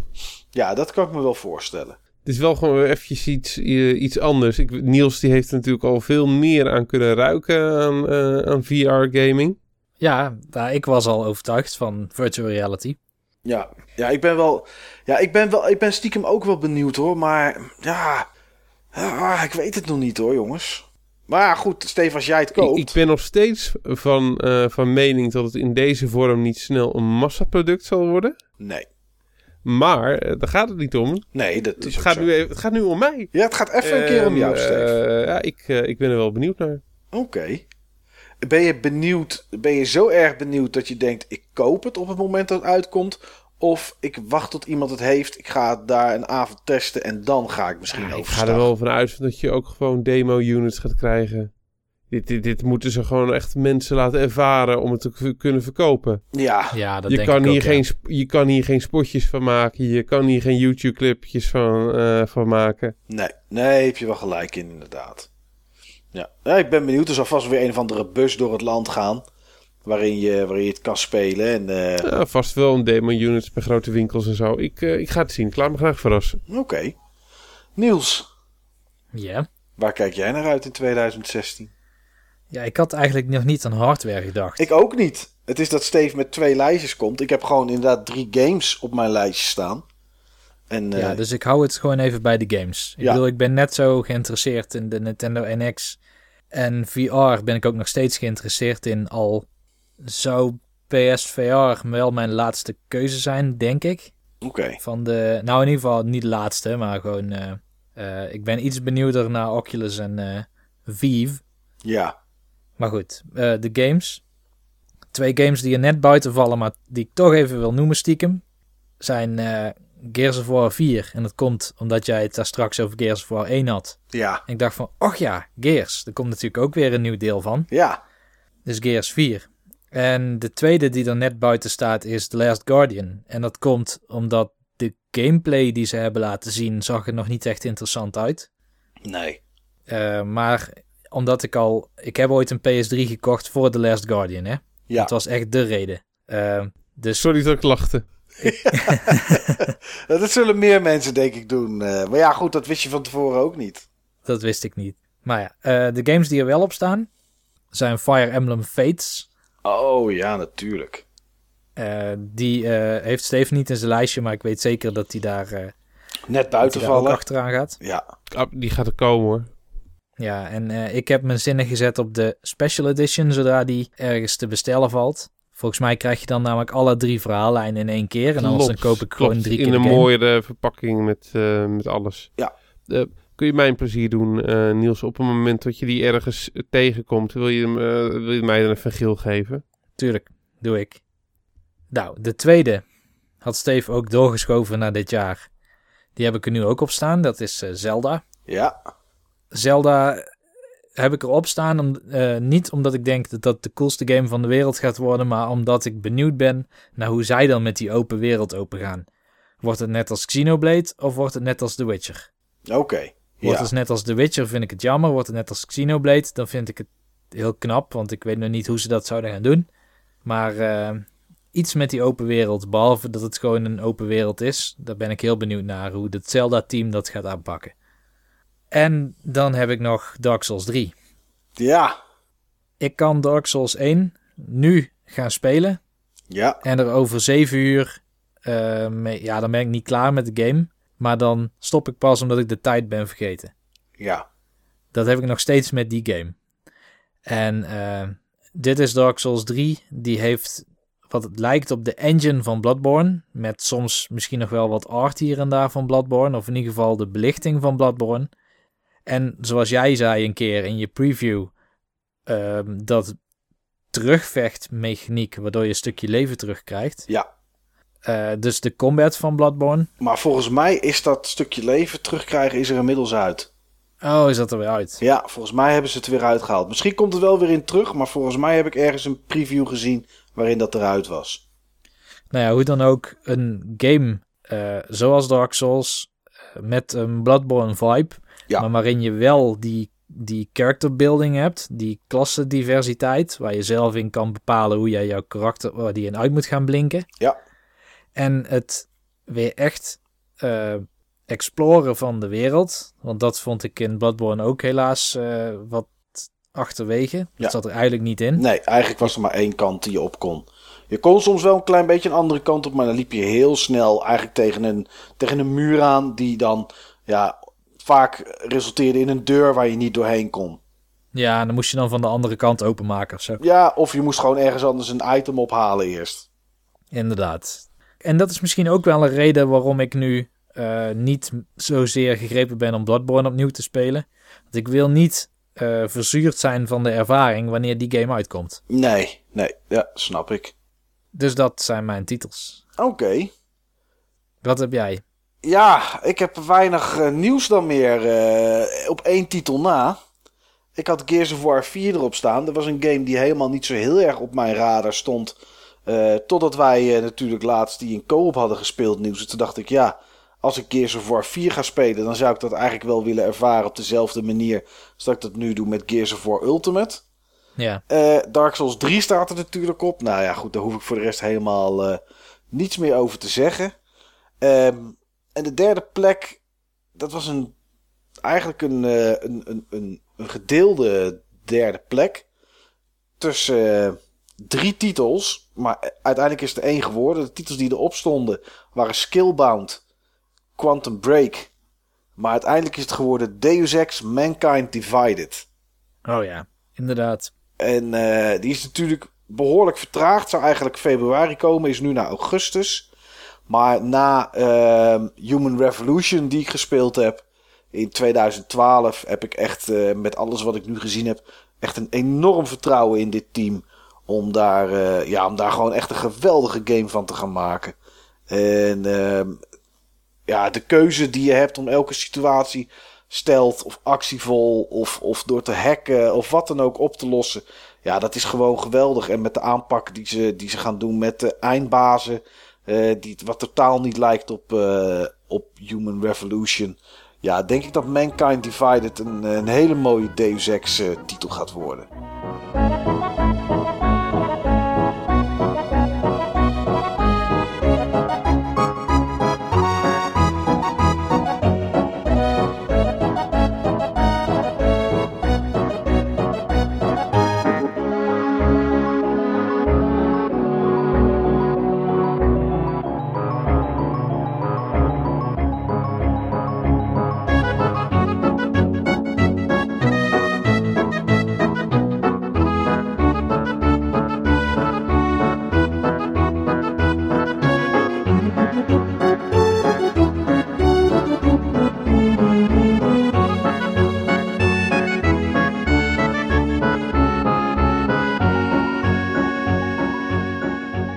Ja, jongens, eh, de laatste aflevering van het jaar eh, hebben we hem nog even met een hele diepe zucht uitgeblazen, denk ik.